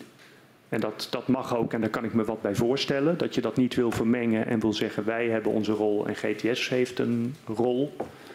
Uh, hoe, hoe, zag u dat? Of hoe, deze indruk die u. Nou, ja, wij zijn gewend vanuit uh, maximale transparantie te werken. En zeker op dit uh, vraagstuk zagen wij dat dat enorm belangrijk was. Uh, en tegelijkertijd moeten we erkennen dat er raakvlakken zijn met anderen. En dan is het wel goed om inzicht te geven in uh, wat je doet en hoe je tot resultaten uh, komt. Dus ik vond dat als je niet op elkaar stoel gaat zitten, vond ik het prima om inzichten uit te wisselen. Uh, wij, hebben natuurlijk, wij hebben zelf nooit geprobeerd om iets eigenlijk van de ondergrond te begrijpen, omdat we zeiden ja dat is van, uh, van SODM. Wij hebben verstand van de gasmarkt en leveringszekerheid. Ja. En uh, de momenten waar de, alle drie keer heeft GTS het initiatief genomen om richting SODM te gaan? Ja, bij mijn, bij mijn weten wel. Ja. En was dat naar aanleiding van bepaalde adviezen? Of, of ja, was, wat was, dan de context uh, om die momenten heen dat u dacht, nou het is nu toch wel goed om daar naartoe te gaan? Nou ja, bijvoorbeeld wat ik, wat ik net noemde, als toch je weet dat je weer in een adviestraject uh, gaat om te weten wat, wat de ander in zijn analyses aan het doen is. Ja. Dus meestal was dat denk ik aan, aan, nou, aan de voorfase dat er een nieuwe adviesronde plaatsvond. Maar ja, dat ging op een gegeven moment ook zo snel op elkaar dat ik ook niet precies weet of dat. Uh, maar dat zou in ieder geval mijn inzet zijn geweest. Um, u zegt. Uh, we hebben altijd vanuit transparantie, of ja, altijd transparant willen zijn hè, over vraagstukken rondom leveringszekerheid. We zien dat juist in deze jaren ehm, eigenlijk vanaf het begin, eh, vanaf 2013, leveringszekerheid en veiligheid ook vaak uh, nou ja, wat tegenover elkaar worden gezet. Hè? Dat het uh, vanuit het oogpunt van veiligheid wenselijk zou zijn om zo snel zoveel mogelijk als realistisch is naar beneden te gaan. Maar dat het oogpunt vanuit leveringszekerheid vraagt om de productie op een bepaald niveau of een hoger niveau uh, te houden. Ja. Dat zijn ook discussies die in de Kamer een rol spelen, die in Kamerbrieven een plek krijgen. Um, Vindt u dat GTS voldoende transparant is geweest en proactief is geweest om uh, te laten zien uh, nou ja, waar die cijfers rondom leveringszekerheid nou daadwerkelijk zaten? Ja, ik denk dat wij daar, uh, zoals ik net al zei, eigenlijk geprobeerd hebben toch om de maximale transparantie te betrachten. Maar hoe, hoe dan? Nou, door uh, denk ik meerdere keren in uh, de Tweede Kamer toelichting te geven, door in de regio uh, toelichting te geven, door consultatie van onze, on, onze plannen. dus wat mij betreft heeft dat echt wel een hoge, hoge mate van transparantie. betekent natuurlijk niet, en dat, dat is altijd echt, echt wel een vervelende geweest, dat kon je alleen maar doen door zeg maar, die, die onderkant inzichtelijk te maken. Als, als, een, als een bedrijf dat ook uh, in Groningen de hoofdkantoor heeft, uh, uh, ja, zou je misschien liever vanuit het andere perspectief gaan. Dat je niet, want vanuit leveringszekerheid was er toch altijd een noodzaak om nog Gronings gas te produceren. Nou, het is ons wel behoorlijk goed gelukt om dat zo snel mogelijk omlaag te brengen. Maar dat is natuurlijk altijd wel een, een vervelende. En ik had het net over de tijd dat het dan misschien nog uh, de goede kant op ging. Maar bijvoorbeeld vorig jaar december was er ook een moment dat we zeiden, ja nu zien we toch tegenvallers en moet misschien de productie uh, omhoog. Ja, dat zijn niet, uh, niet, niet de fijnste momenten voor ons en ons als bedrijf in, in Groningen. Nu heeft dus een paar momenten aangewezen waarop u met het SODM contact, uh, in contact treedt. Om daar uitleg in ieder geval te geven over die leveringszekerheid. Um, zijn er ook momenten waarop GTS proactief richting het ministerie uh, is gegaan? Om nou ja, duidelijk te maken wat er nodig was? Of dat het juist minder kon dan wat u misschien naar buiten zag komen? Nou, je, ja, kijk, ik denk dat daar een verschil is tussen uh, de verschillende fasen. Uh, kijk, in de beginfase, uh, zoals u het beeld denk ik ook terecht al schetst, is er een tijd dat we weten dat er veel meer ruimte is om de Groningen productie te verlagen, maar die ruimte niet gebruikt wordt. Hè, tot 2000. 16 eh, kennen wij een relatief bescheiden benutting van onze, eh, onze stikstofinstallaties. En op het moment dat eh, wij die ervaring opdoen, brengen wij onder de aandacht dat die inzet van 85% waar eerder vanuit is gegaan ook wel uiteindelijk via 92 uiteindelijk naar 100% kan gaan brengen wij onder de aandacht. En ik denk terecht, hè, want wij zien dat in ons systeem, uh, dat wij goed in staat zijn om die gaskwaliteit te sturen en daarmee ook een optimalisatie uh, te realiseren. Hetzelfde in, uh, in, in 2018 natuurlijk na de aardbeving bij Zeerijp. Ja, dan, heb, dan krijg je natuurlijk niet eens de tijd om proactief te zijn, want toen was al direct duidelijk waar dat, waar dat heen moest. En toen hebben wij alles uit de kast getrokken om, om zoveel mogelijk te verzinnen. Ik heb, uh, of we zien in, in interne e-mails vanuit uh, of op het ministerie uh, dat daar op een gegeven moment uh, wel een zorg naar boven komt dat vanuit GTS meer mogelijkheden om te, naar beneden te gaan met de productie naar voren worden gebracht, maar dat die niet proactief onder de aandacht van het ministerie worden gebracht. Herkent u dat? Hmm, nee, dat herken ik Periode begin 2018 speelt dit. Nee, nee, dat is volgens mij juist een periode, want dan heeft u denk ik over de periode na, uh, na Zeerijp. Waar wij bij, uh, waar ik mij nog kan herinneren dat we op een gegeven moment uh, op het ministerie zaten met een, met een presentatie met een set van maatregelen. Ehm, en wij de enige waren die daar met, met sheets naar binnen liepen. Dus, uh, Met sheets, wat nou stond erop? Ja, daarmee bedoel ik de enige waren die presenteerden wat er zou kunnen. Uh, dus uh, nou, dan was of het verwachtingsniveau ten aanzien van ons enorm hoog en van de rest in de zaal niet. Maar ik, ik, kan me daar dus vrij weinig, weinig bij voorstellen. Het is wel zo dat uh, we bijvoorbeeld eerst wel wisten dat we wat extra stikstof konden inkopen in, uh, voor ons mengstation in Wieringenmeer, maar niet precies hoeveel. Uh, ja, daardoor is gedurende het jaar er uiteindelijk wel meer mogelijk gebleken. Plus dat als je die capaciteit uitbreidt en je bedenkt ook dat gasopslagen die eerst uit Groningen gevuld worden, via ons systeem gevuld kunnen worden. En dat wordt binnen het gasgebouw geregeld. Ja, dan kun je grote klappen maken. Kijk, net de, um, uitbreiding die we op Meringenmeer hebben gerealiseerd, hebben we toch eigenlijk een halve stikstoffabriek Zuidbroek neergezet. Die extra capaciteit zijn we vervolgens gaan optimaliseren door op de plekken waar uh, puur Gronings gas geleverd moest worden, bijvoorbeeld in de export naar Duitsland, ook die stukken op ons systeem, uh, aan ons systeem te koppelen. Uh, ja, en daardoor kon het op een gegeven moment zo snel omlaag. Maar dat waren wel een set maatregelen die al uh, stonden in onze lijst. Maar waar we vervolgens eigenlijk het maximale van, van hebben gemaakt. Dit voorbeeld bij Wieringenmeer. Wij hebben tegen de partij die dat stikstof levert gezegd... ga die compressor maar vast bestellen in Duitsland. Wij betalen de rekening. En dat project was na ruim anderhalf jaar klaar. U uh, zei iets eerder in de antwoorden op uh, mevrouw Van der Graaf dat uh, de reeks van nieuwe inzichten tot nieuwe cijfers leidde. En ook heel specifiek dat u het verwijt hebt gekregen van een cijfertombola. Wie maakte dat verwijt? Nou, dat is volgens mij toen in de, in, in, in de markt wel, wel geroepen. En ik kan ook niet helemaal uitsluiten dat, dat een van uw collega's dat een keer uh, geroepen heeft. Maar ik weet okay. niet meer precies waar het vandaan kwam. Maar ik probeer daarmee ook aan te geven dat het voor ons, zeg maar.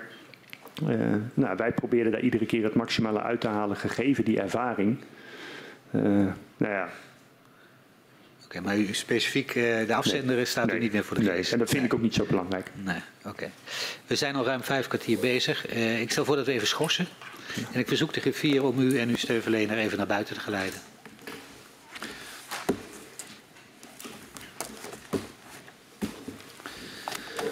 En we gaan schorsen tot uh, vijf over twee. Ik schors de vergadering.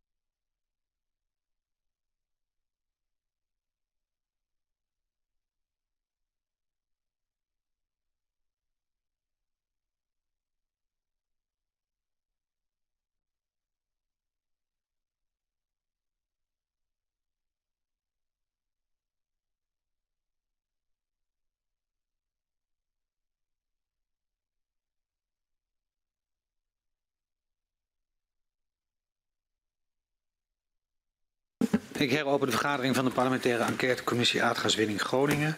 Aan de orde is het vervolg van het verhoor met de heer Hoevers. En ik verzoek de griffier om hem en zijn steunverlener naar binnen te geleiden.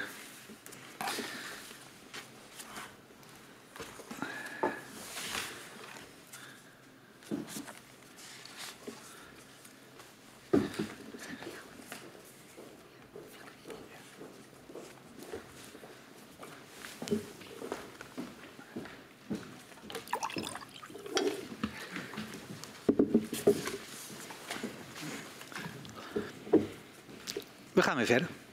Ik wil nog even terugkomen op wat we voor de pauze bespraken. Daar waar u heeft uitgelegd dat u drie keer, of twee of drie keer bij het SODM bent geweest en onder andere hebt gesproken over vlakke winning. En ik vroeg me even af wat u onder vlakke winning verstaat.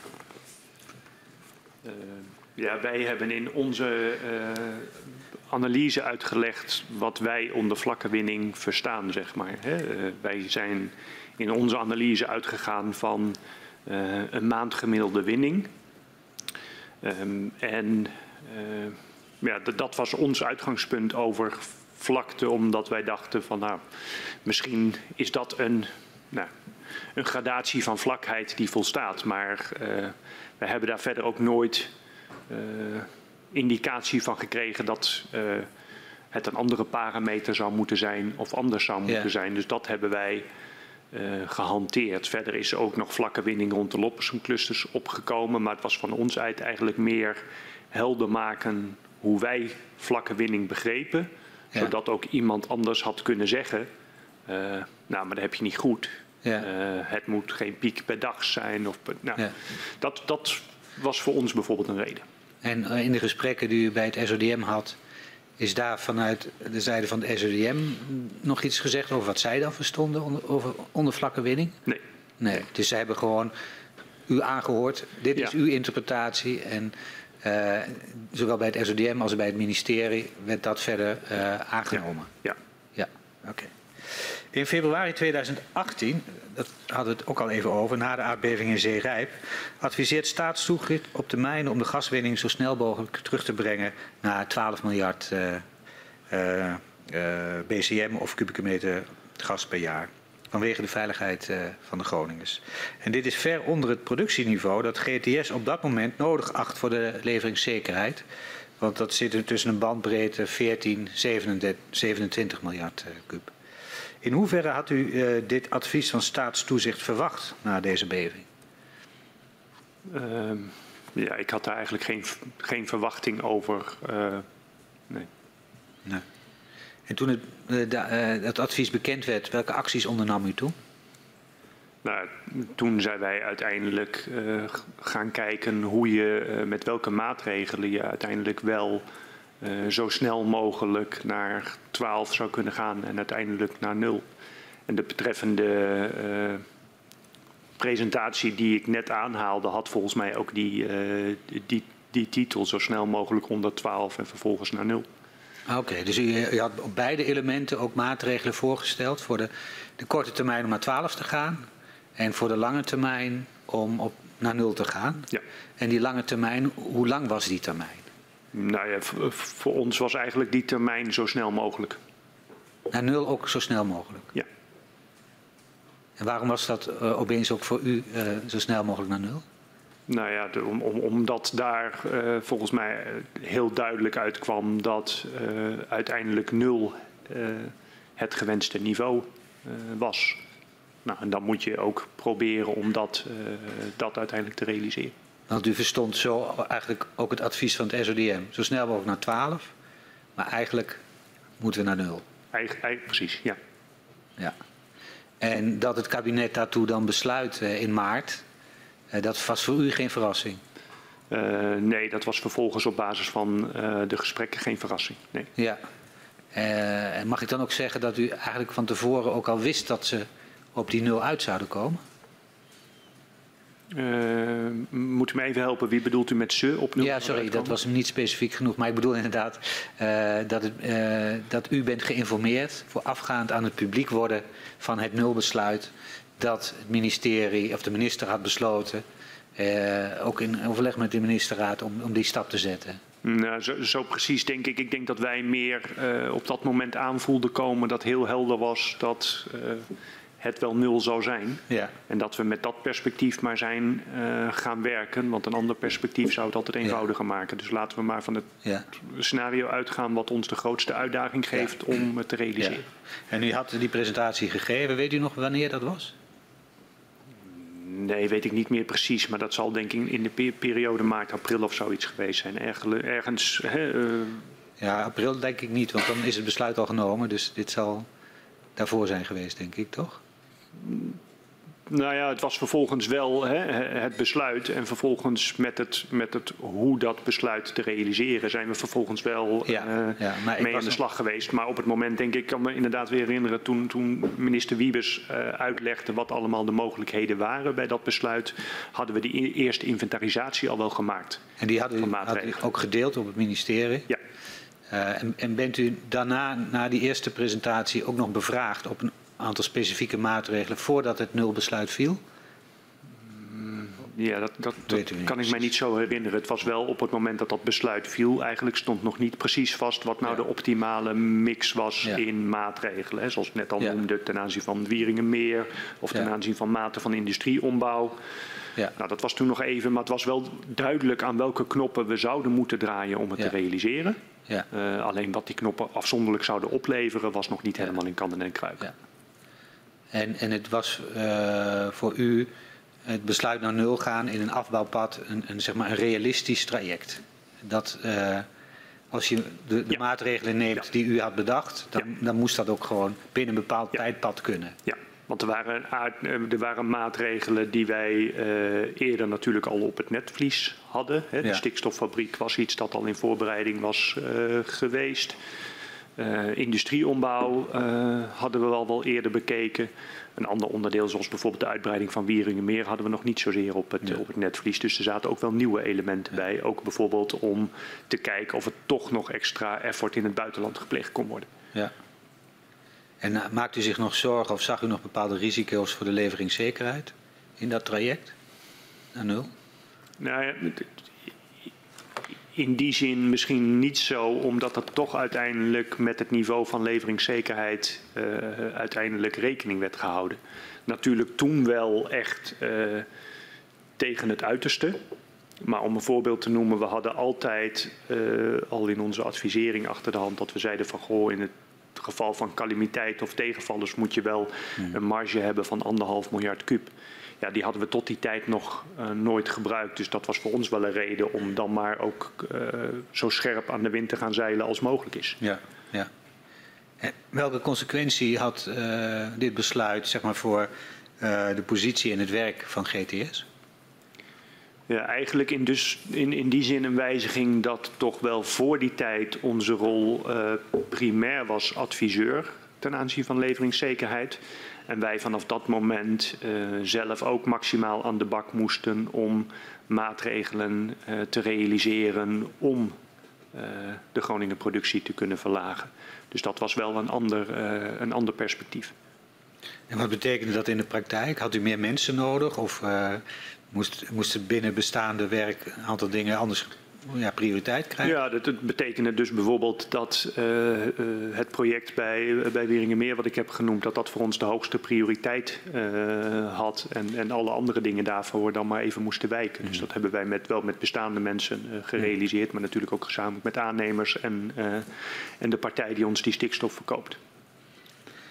In oktober 2018 stemt de Eerste Kamer in met een wetsvoorstel waardoor GTS de wettelijke taak krijgt om de winning van gas uit Groningen te minimaliseren en jaarlijks een raming te maken van de benodigde hoeveelheid gas uit Groningen voor de leveringszekerheid. In hoeverre voldeed deze wet, wens, eh, sorry, deze wet aan uw wensen? Um, ja, het was wel onze uitdrukkelijke wens om de eerdere taak ten aanzien van kwaliteitsconversie, uh, de taak in de gaswet, uh, te verruimen om helder te maken dat wij ook investeringen moesten doen om de Groningen productie te verlagen. Um, ook wetende dat niet iedereen dat vanzelfsprekend vond dat ook die taak uh, tot onze wettelijke taak behoorde.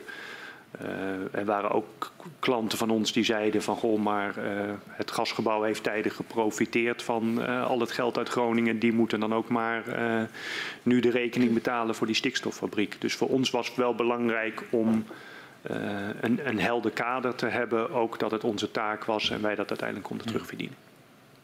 Well, dank. Misschien nog één uh, punt voor mij uh, om het goed uh, helder te krijgen. 29 maart neemt de ministerraad het besluit om terug te gaan naar nul. Die bijeenkomst met Sheets, waar u zojuist aan refereerde, dat was voor die tijd? Ja, die moet dan voor die tijd zijn geweest, ja. Ja, dank u wel. op 14 maart 2018 komt GTS met het advies om de stikstoffabriek zo snel als mogelijk te bouwen. Hoe kwam u tot die beslissing? Ja, eigenlijk omdat wij, uh, zoals ik net al zei, uh, zagen dat het perspectief uh, nul zou zijn. en dat dan uiteindelijk die, de bouw van die stikstoffabriek een keiharde noodzaak zou zijn om in voldoende mate de leveringszekerheid te kunnen borgen. Het was ook een project dat we al in voorbereiding hadden. Dus het lag op de plank om er weer, weer vanaf te halen. Uh, ja, daarmee in ieder geval iets waarvan wij wisten waar we aan zouden beginnen en ook waarvan we wisten dat het een belangrijke bijdrage zou, uh, zou leveren. Ja, want dit was uh, 14 maart, dat ligt voor het nulbesluit van het kabinet. Ja. Uh, dus op dat moment had u wel de verwachting dat dat uh, die kant op zou gaan. Ja, en hoe dat dan bij ons werkt, zeg maar, als we dit zien aankomen, dan gaan we in enige mate uh, voorbereidingsbudgetten daaraan aan, aan allokeren. tot, tot, een, tot een paar miljoen. En vervolgens nemen wij ook stappen intern en naar onze aandeelhouder om dan de besluitvorming te doen als er meer dan 50 miljoen uitgegeven moet worden. Maar dat betekent dus wel dat wij in die periode de voorbereiding direct eigenlijk alweer hebben opgepakt. En u ziet dat later in dat jaar uh, de betreffende goedkeuringen intern uh, komen, omdat je in de begintijd nog niet zo heel veel geld uitgeeft. Ja, en u gaf al aan, het was een project waarvoor er al plannen lagen. Het is al eerder ter sprake geweest. Maar toen adviseerde of liet een analyse van het GTS zien dat, nou dat het niet nodig was. Waarom was u nu wel voorstander van de komst van die nieuwe stikstoffabriek? Nou ja, omdat, uh, als ik het maar even heel simpel zeg, ook refererend naar het gesprek voor de, voor de pauze, dat uh, nul toch wel aanmerkelijk lager is dan, dan, dan 20 miljard kuub. Dus als je leveringszekerheid en betrouwbaarheid wil hebben op die laagcalorische gasmarkt, ja, dan heb je zo'n middel wel, wel nodig. En wat had u nodig om van de bouw van een nieuwe stikstoffabriek een goede business case te maken? ja, uh, eigenlijk dat, dat, helder is dat uh, he, ook onze taak is om dit te doen. Dus dat dit, zeg maar de wat verruimde opvatting rond kwaliteitsconversie en het verlagen van, van de Groningen productie. Dat, dat, dat was één en toch wel enig comfort dat onze toezichthouder niet zou zeggen van goh we, we, we, benchmarken dat en dat komt er ondoelmatig uit. Het is ten opzichte van onze collega-bedrijven in het buitenland waar we mee vergeleken worden, doet geen enkel landelijk netbeheerder doet kwaliteitsconversie. Wij hadden wat ervaring met afslagen die werden gedaan vanwege de efficiëntie en we zeiden ja, dat kan niet zo zijn. Nou, daar hebben wij vervolgens, heeft uh, de ACM daar uh, op de website een brief uh, die ze aan ons gestuurd hebben ook gepubliceerd. Dus het was voor ons helder dat daarmee deze twee aspecten eigenlijk afgedekt waren. Oké, dat was. Want kunt u schetsen wat de risico's van die beslissing waren voor GTS? De, het ene zou kunnen zijn dat iemand, dat, dat een van onze klanten toch bijvoorbeeld zegt van nou ja, dit is wel een hele ruime taakopvatting als u in kwaliteitsconversie uh, investeert. Want dit is niet om de markt uh, te faciliteren, maar dit is voor leveringszekerheid en het naar nul kunnen brengen van Groningen. Uh, ten aanzien van de efficiency benchmark door ACM, ja, dat zou dus kunnen betekenen dat je gewoon een deel van je kosten uiteindelijk niet, niet vergoed krijgt. En wat hebben de ministeries van Economische Zaken en Financiën gedaan om die risico's weg te nemen? Uh, ja, die hebben zich uh, geconcentreerd op dat uh, eerste deel. En daarmee denk ik ook die vraag van was die wetgeving voor, voor jullie aan, aan de maat? Dat, dat was die. En dat was voor ons eigenlijk denk ik, denk ik de belangrijkste voor waar EZ en Financiën, waarvoor we naar hen keken. Het andere aspect, uh, daar hebben we ook wel eerst gezegd tegen economische zaken, kunt u daar wat mee? Nou, die vonden dat denk ik wel terecht wat ingewikkeld om daar sturing te geven aan een toezichthouder. Dus toen dachten wij, wat is simpeler dan de toezichthouder het zelf te vragen? Uh, en dat is uiteindelijk ook prima naar tevredenheid uh, voor ons afgerond. Dus die brief die de ACM had gepubliceerd, die was er eigenlijk om te ondervangen dat er geen wettelijke basis lag aan die ruimere taakopvatting die op dat moment de plek kreeg? Ja, die was met, voor ons met name om te zorgen dat als zij in een nieuwe methode van regulering uh, een benchmark ten opzichte van anderen zouden toepassen, ze dan ook zouden zeggen, bijvoorbeeld als wij daar uh, voor een deel inefficiënt uit die benchmark komen, dat dat ook op de stikstofkosten van toepassing zou zijn.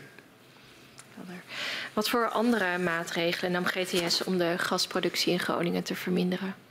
Uh, ja, eigenlijk een, een, een hele trits. Hè. De, de, de, eerste was eigenlijk het verder aanscherpen van de inzet van onze installaties en daarover uh, te adviseren. Dus het naar 100% brengen van de, van de stikstofinzet.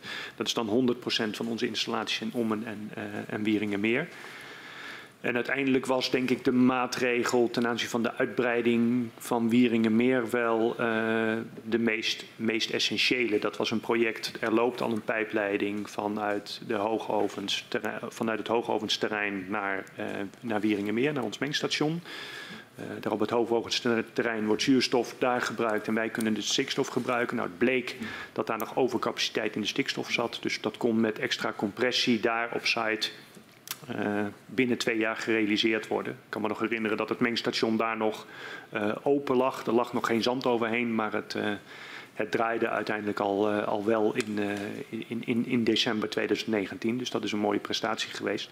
En die extra stikstofinzet hebben wij vervolgens ook kunnen gebruiken om andere maatregelen zinvol te laten zijn.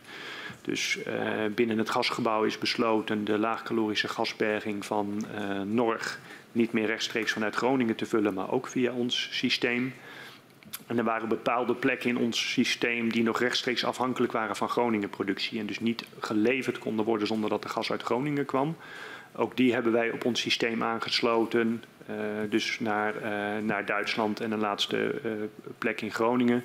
Waarmee we eigenlijk onze mencapaciteit optimaal hebben kunnen benutten. En zeker door alleen maar een benutting te hebben bij koudere, koudere dagen, betekent het eigenlijk ook dat je nou ja, alles op alles zet om je stikstofinstallaties maar zo, zo maximaal mogelijk te laten draaien. En hoe lang heeft GTS over deze maatregelen gedaan? Um, ja, Wieringenmeer was dus in december 2019 gereed. Dus wat, dat was na ruim, uh, ruim anderhalf jaar. Uh, ja, de industrieombouw, daar zijn we op dit moment nog steeds mee uh, bezig. en ook de fabriek in Zuidbroek, die u ook laatst bezocht heeft, neemt, neemt, nog even wat, wat tijd. Maar die hopen we volgende maand daar het eerste stikstof uit, uit te krijgen. Dus het is een combinatie van, denk ik, toch wel relatief groot succes met de maatregelen die, rechts, die, die direct uh, konden. Uh, wat er uiteindelijk heen heeft geresulteerd dat op dit moment voor het lopende gasjaar eigenlijk Groningen alleen maar uh, op, de, op de waakvlam hoeft en een minimumflow geproduceerd hoeft te worden. Dank u wel. We komen al bij de punten nog even terug. De, de, uh, de nieuwe stikstoffabriek, maar ook even de ombouw van de industrie die u net noemde. Uh, in november 2018 laat u aan minister Wiebes weten dat gesprekken met bedrijven over een vrijwillige ombouw weinig concrete resultaten opleveren. Uh, waarom wilden bedrijven hun gasverbruik niet vrijwillig ombouwen? Uh, ja, omdat uh, de, de, gasbedrijven eigenlijk vonden dat zij niet zoveel aan konden doen, dat zij nog steeds laagcalorisch gas gebruikten. Uh, deels is dat zo omdat deze bedrijven uiteindelijk hun eigen bedrijfsproces hebben geoptimaliseerd op die betreffende gaskwaliteit.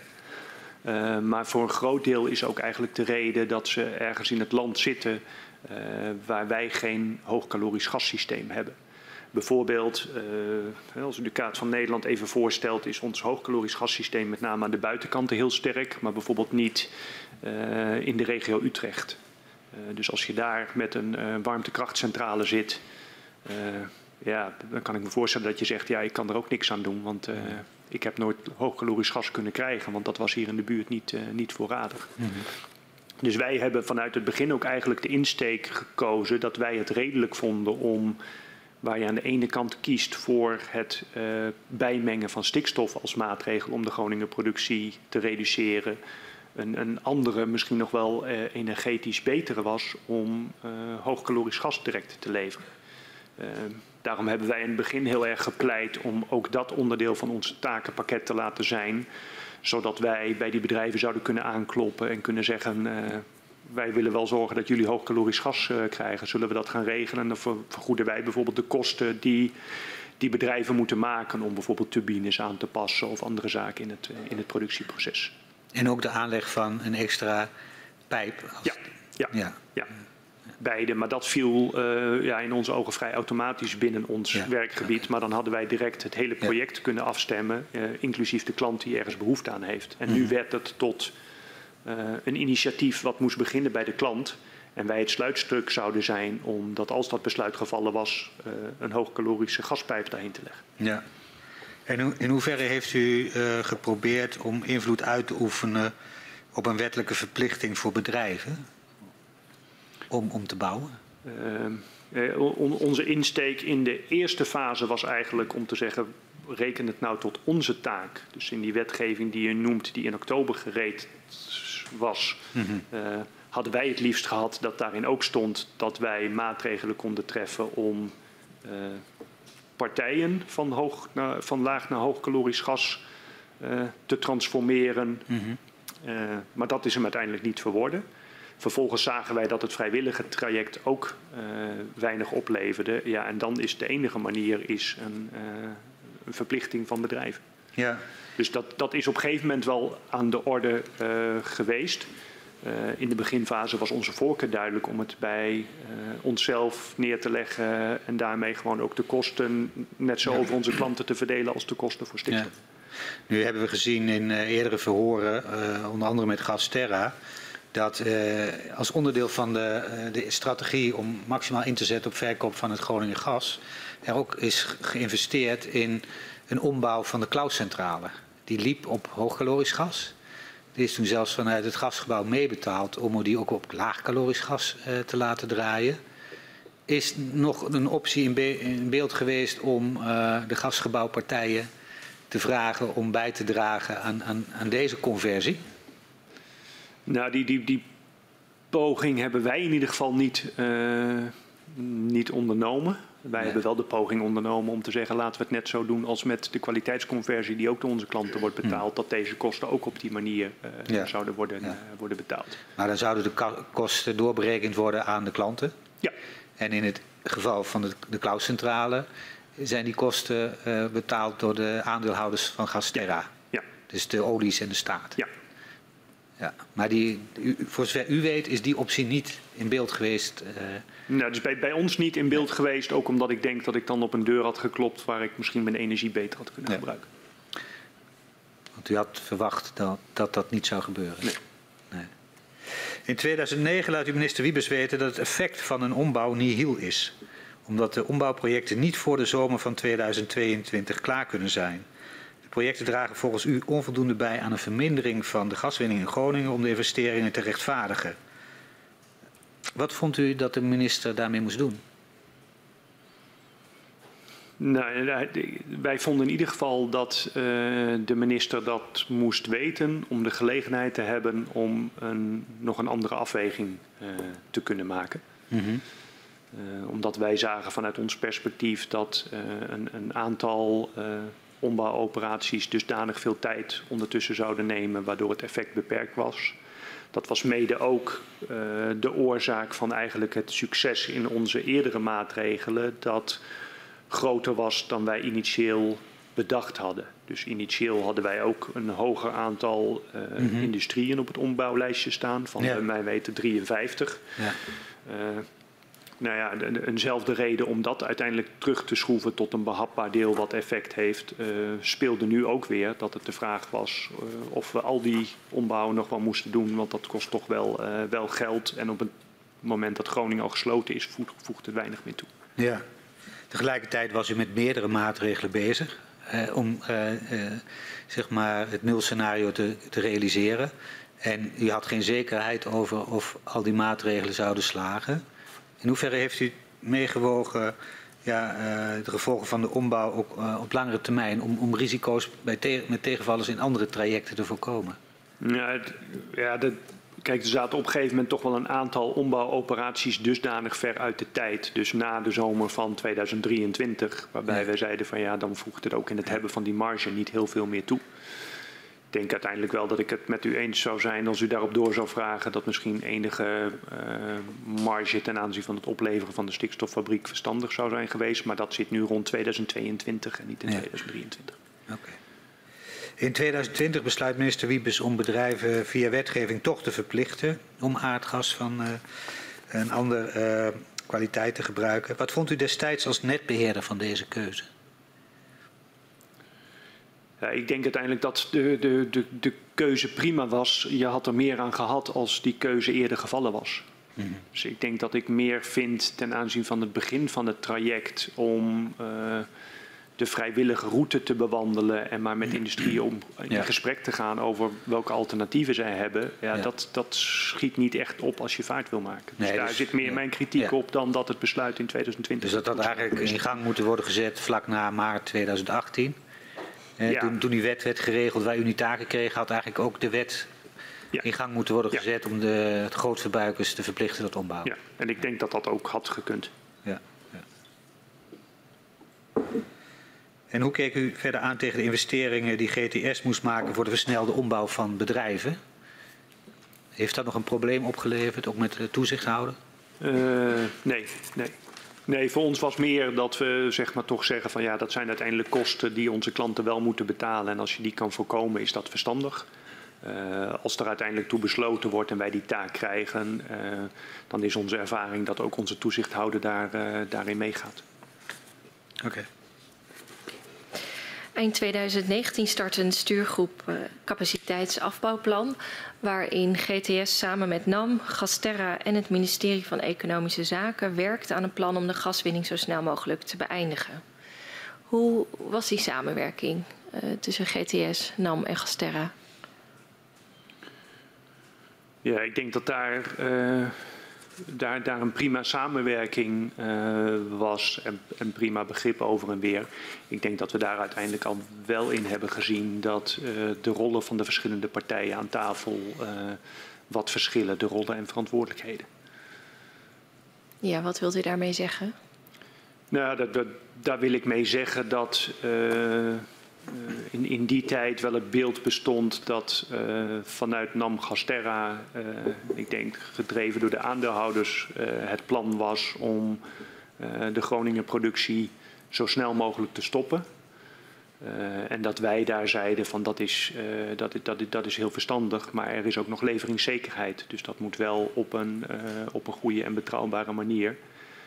daar speelt uiteindelijk ook dat het dan uiteindelijk niet meer alleen over Groningen gaat, maar ook de rol van opslagen in, in beeld komt het ook niet meer zozeer gaat om hoeveel volume er eigenlijk nog uit Groningen moet komen. Want dat eigenlijk, Groningen staat nu al bijna alleen maar op de waakvlam.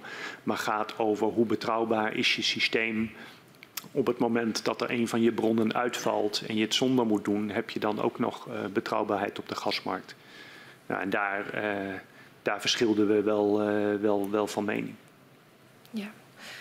Uh, want uh, NAM en Gasterra vinden dat uh, de gaswinning kan stoppen zodra de stikstofinstallatie in Zuidbroek gereed is.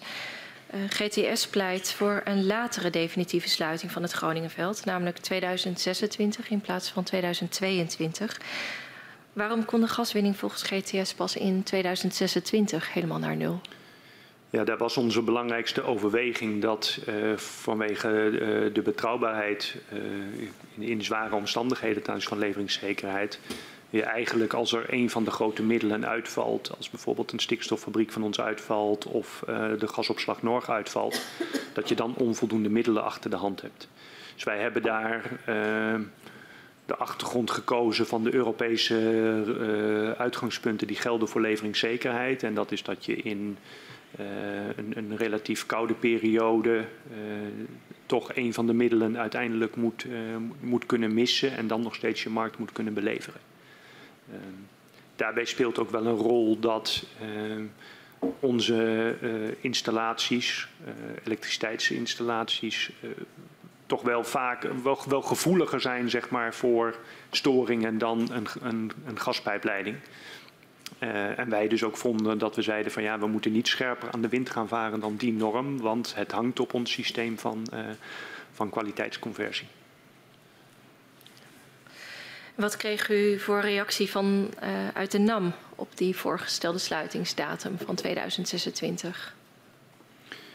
Nou, ja, zelf uh, zat ik daar niet bij aan tafel en heb ik geen reactie gekregen. Kijk, ik denk uiteindelijk dat wij uh, duidelijk het beeld hadden, zoals ik net al schetste, dat uh, die mate van analyse niet door hen werd, werd onderschreven. Ehm, ja, en ik wijs dat maar toe aan dat wij het belang voor de leveringszekerheid behartigen. En het woord zekerheid zegt, dat wat mij betreft, al voldoende.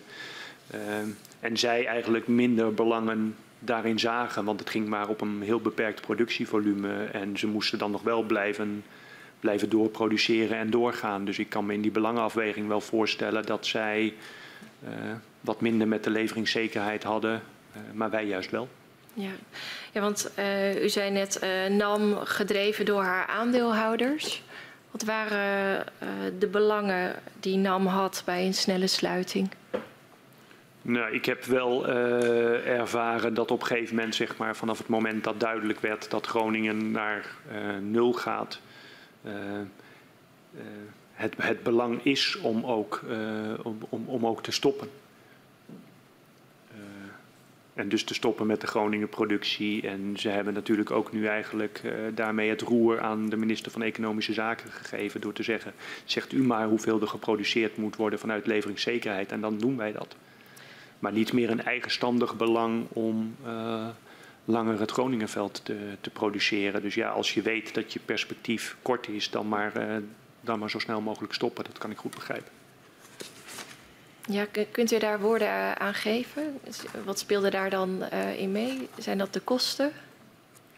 Nou, ik weet niet of zozeer de kosten daar, maar kijk, ook, ook in, in mijn, mijn eerdere beeld vanuit het ministerie van Financiën, hoe, hoe, hoe die zaken werken. Ja, het belang uh, bij olie- en gasproducenten is om olie en gas te produceren. En niet om een uh, buffertje in het leven te houden voor een koude winter bijvoorbeeld. Daar uh, wordt geen geld mee verdiend. Dus ik kan me heel goed voorstellen dat het perspectief op het moment dat de productie in een bepaalde regio verwaarloosbaar wordt, dat je dan zegt, nou dit is niet mijn, mijn businessmodel, ik, ik stop ermee. Ja, en voor Gasterra? Want die hing aan dezelfde kant. Ja, nou, niet aan ja. de leveringszekerheidskant die u schetste, maar aan de... Nou, weet ik, daar heb ik niet zozeer ervaren dat zij hierin een hele sterke, uh, sterke positie uh, hadden. Oké. Okay, um, wat waren de gevolgen van de standpunten van NAM en Gasterra voor GTS?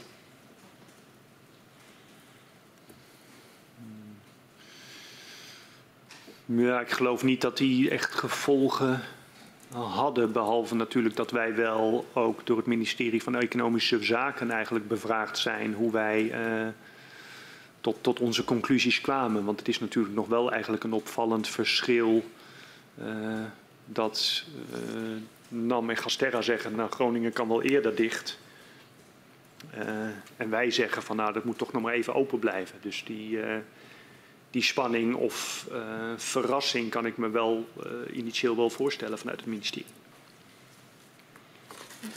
En had u um, het idee dat de opstelling van GTS en het advies van GTS voldoende door het ministerie begrepen werd? Ja, ik denk, het, ik denk uiteindelijk wel. Ja. Uit, uiteindelijk wel. Ja, de, kijk, zoals ik net al aangaf, daar ontstaat natuurlijk wel eerst uh, een, een, een, een, nadere bevraging en discussie. Omdat dit niet iets, waar, iets is waarvan je initieel zegt, god, dat lijkt mij logisch dat er één uh, op conclusies komt die, die afwijken van wat een ander concludeert. Dank u wel. Nog heel recent, op 19 september, uh, maakt GTS bekend dat de oplevering van de stikstoffabriek in Zuidbroek opnieuw met vier weken is vertraagd. Wat is nu de allerlaatste stand van zaken?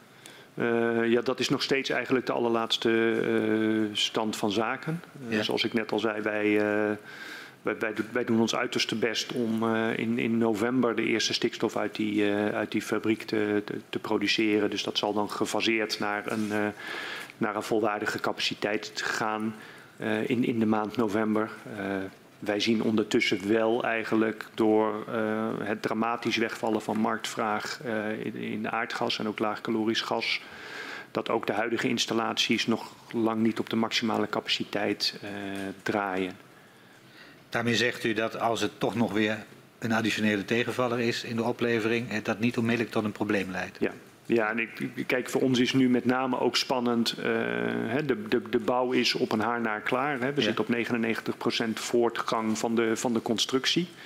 Dus die is uh, bijna klaar. Maar dan is het wel de vraag, als ze straks uh, de installatie aanzetten, werkt dat dan ook naar behoren? Nou, ja. zijn, u, u, bent er geweest, het zijn drie afzonderlijke eenheden ja. die zelfstandig zijn.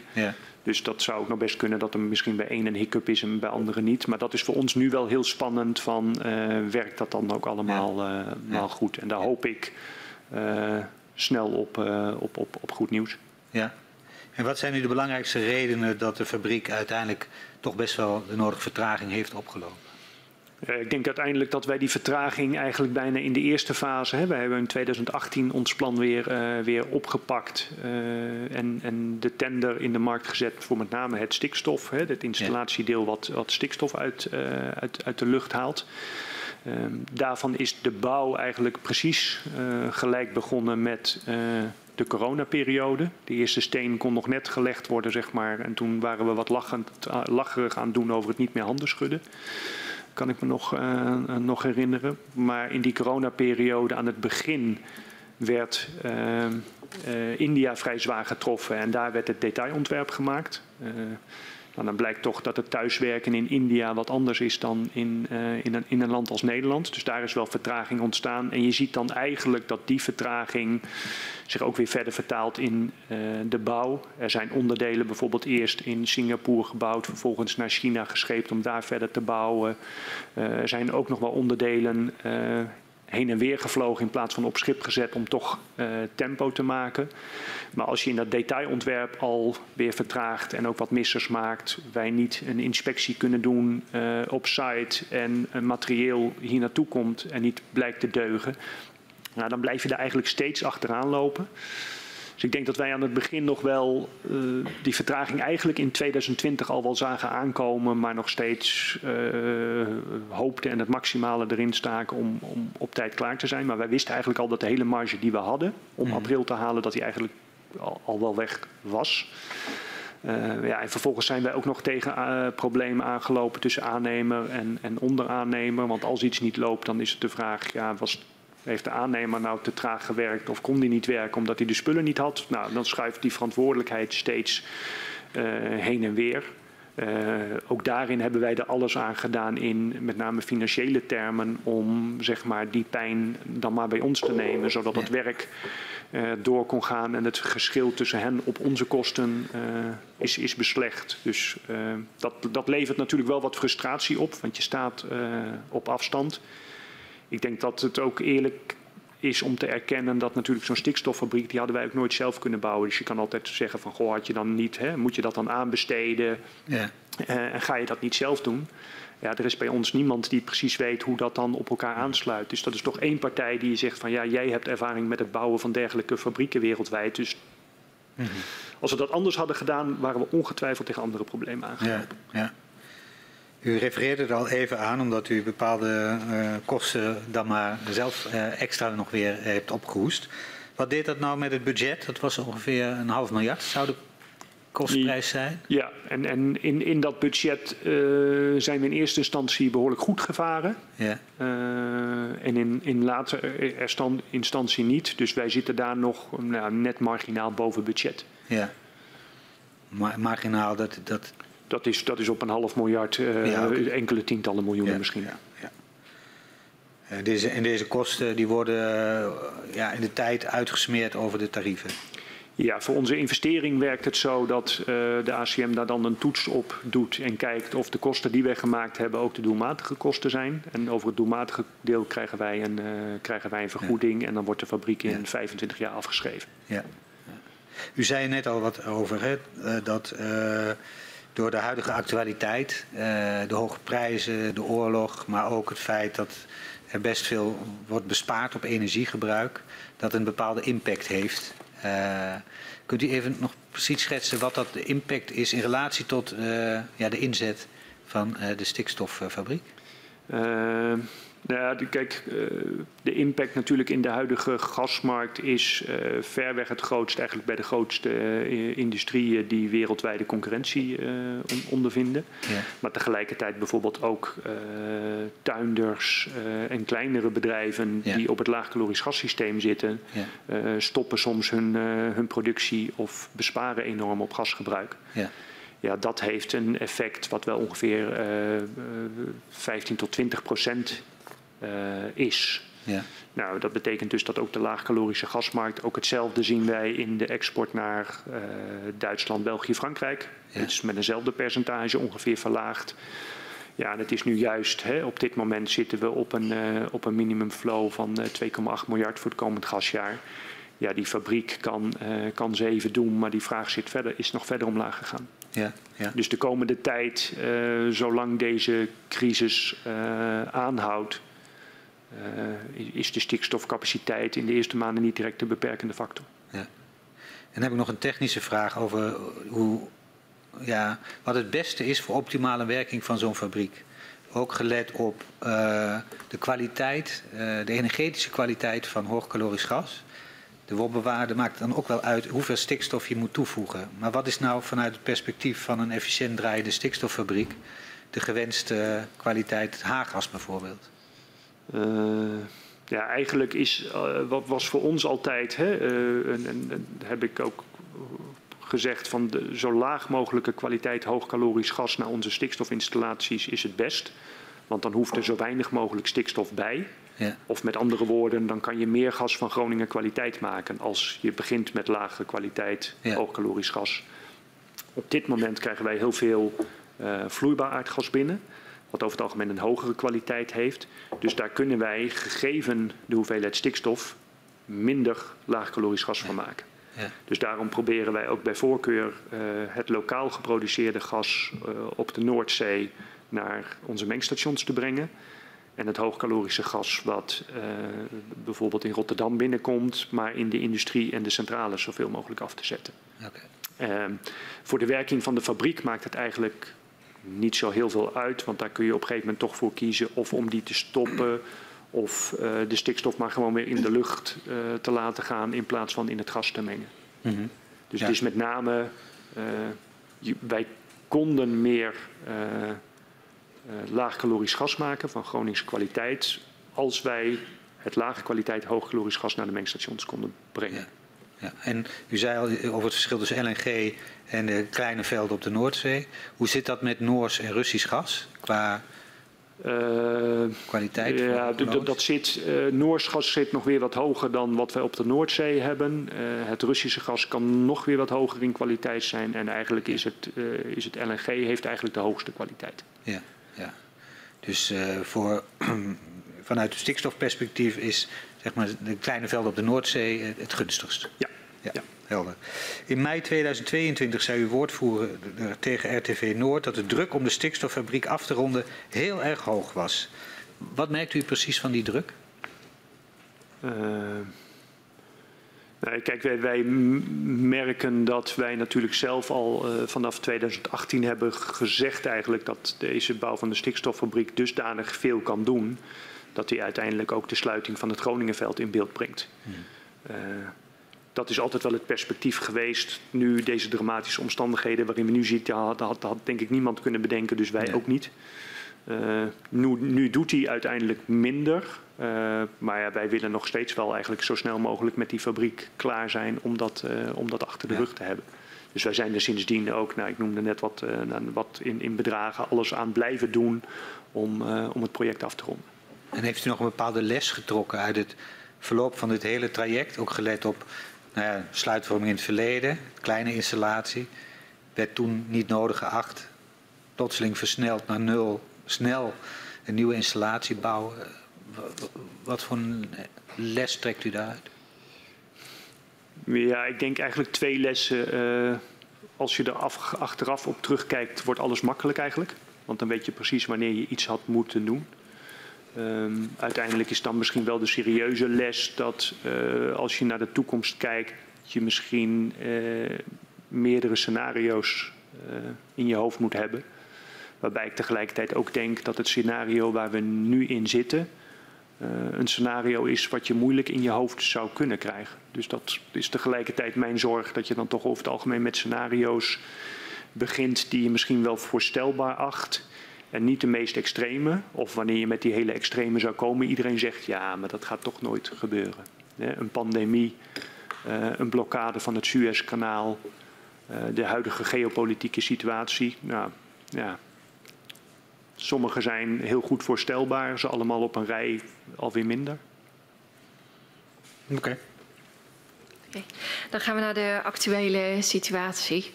Um, hoe staat de leveringszekerheid in Nederland er op dit moment voor? Um, ja, als ik dan daar een, een, een, positieve richting aan mag geven in de hoeveelheid nog relatief uh, goed en net acceptabel. Uh, we zien eigenlijk dat door de maatregelen die nu getroffen zijn, uh, het vulniveau van de gasopslagen zit op 92 procent op dit moment. Uh, het vloeibaar gas komt uh, in, uh, maximaal binnen. Er komt maximaal gas uit België en, en Engeland. En we zijn in staat om heel veel gas ook naar, naar Duitsland te leveren. Dus dat is het, het, het, de positieve kant. De negatieve kant is natuurlijk dat de prijs ondertussen zo bizar hoog is dat heel veel bedrijven niet meer kunnen draaien, uh, consumentenellende ondervinden. Uh, tegelijkertijd redt die hoge prijs ook alweer uh, de marktbalans. Want daardoor wordt het voor een deel onbetaalbaar, wordt er bezuinigd en, en houden we de, de, de gasmarkt in fysieke termen overeind. En hoeveel industriële grootverbruikers hebben de ombouwprojecten op dit moment afgerond?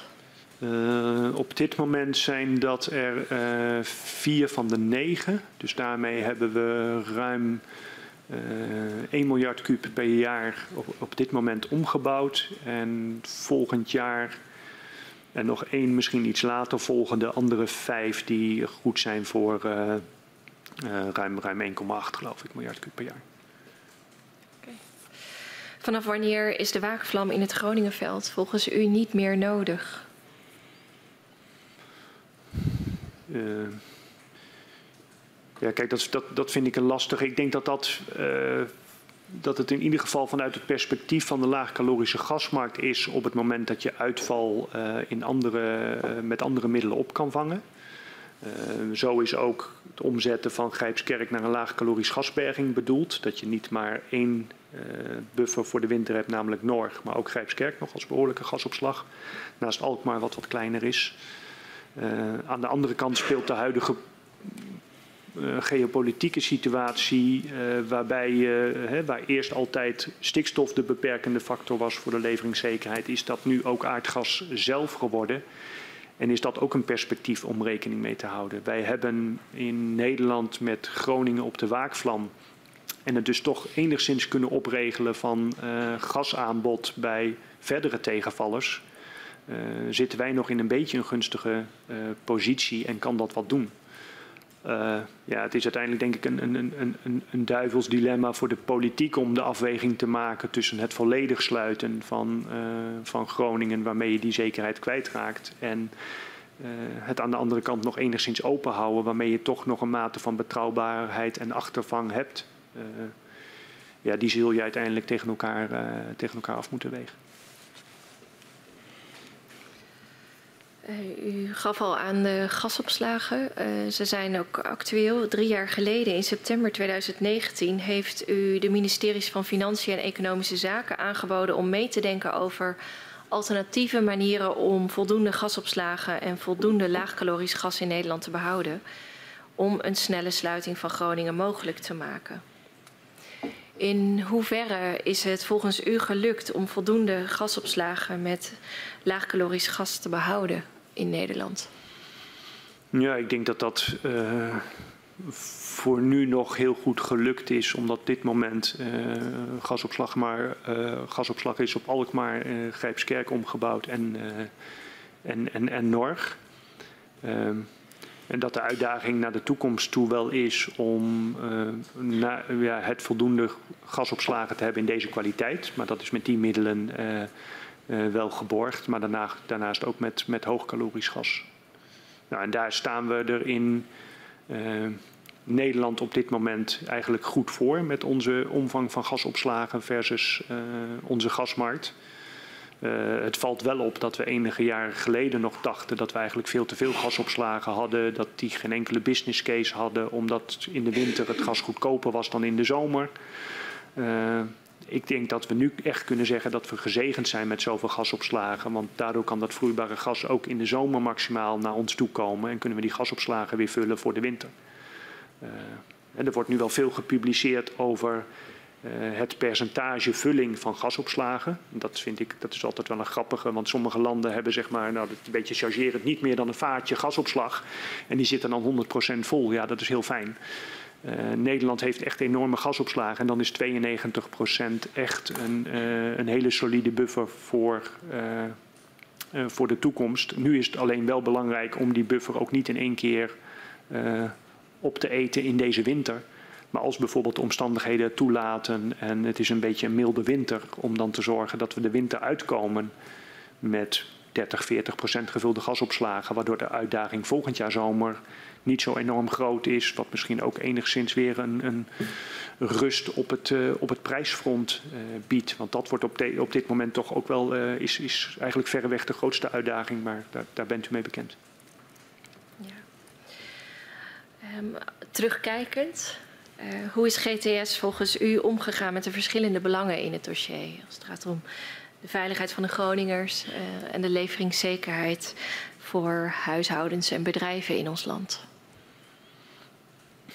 Ja, die, die vind ik wel ingewikkeld, omdat de vraag is hoe bent u omgegaan met de verschillende belangen waar wij, uh, zoals ik aangaf, met name het belang van leveringszekerheid, wij daar de expertise hadden uh, en ons niet met de ondergrond uh, wilden en moesten bemoeien. Tegelijkertijd is die afweging voor veiligheid wat ons betreft ook altijd neergeslagen door wel aan de onderkant van de leveringszekerheid te zoeken naar de mogelijkheden, de, de marges, de ervaringen die we hebben opgedaan ook, uh, ook te gebruiken. Uh, ja, en als bedrijf met een met kantoor in Groningen heb je daar ook geen aanvullende motivatie nodig. Hè. Je hoort zelf op, op het schoolplein een lerares die zegt, ja, mijn hele huis was gestript om te renoveren. En nu zeggen ze toch dat het niet meer, niet meer te repareren is, dus het moet plat. Dus die motivatie om die onderkant in beeld te brengen, die hebben we altijd heel sterk, uh, heel sterk gevoeld. Toch betekent leveringszekerheid dat er gas naar de markt moet voor zover de markt daar behoefte aan, aan heeft. Nou, en dat maakt het altijd wel die balans van belangen voelden wij, voelden wij wel heel sterk. Ja. En um, vond u dat de, de intenties en de berekeningen die GTS maakte en meegaf aan het ministerie voldoende gehoord werden en op waarde werden meegenomen? Ja, ik heb het idee dat die altijd wel met, met, met voldoende waarde en voldoende serieus zijn genomen. Dat betekent niet dat er daarnaast ook nog andere belangen en afwegingen speelden om die keuze te maken. Dus het was wel ons ook wel bekend dat wij niet de enige bepalende factor waren in die, uh, in die advisering. Dank u wel. We zijn uitgevraagd als commissie. Dank voor uw medewerking. En ik verzoek de rivier om uh, u en uw steunverlener naar buiten te geleiden. Dank u wel.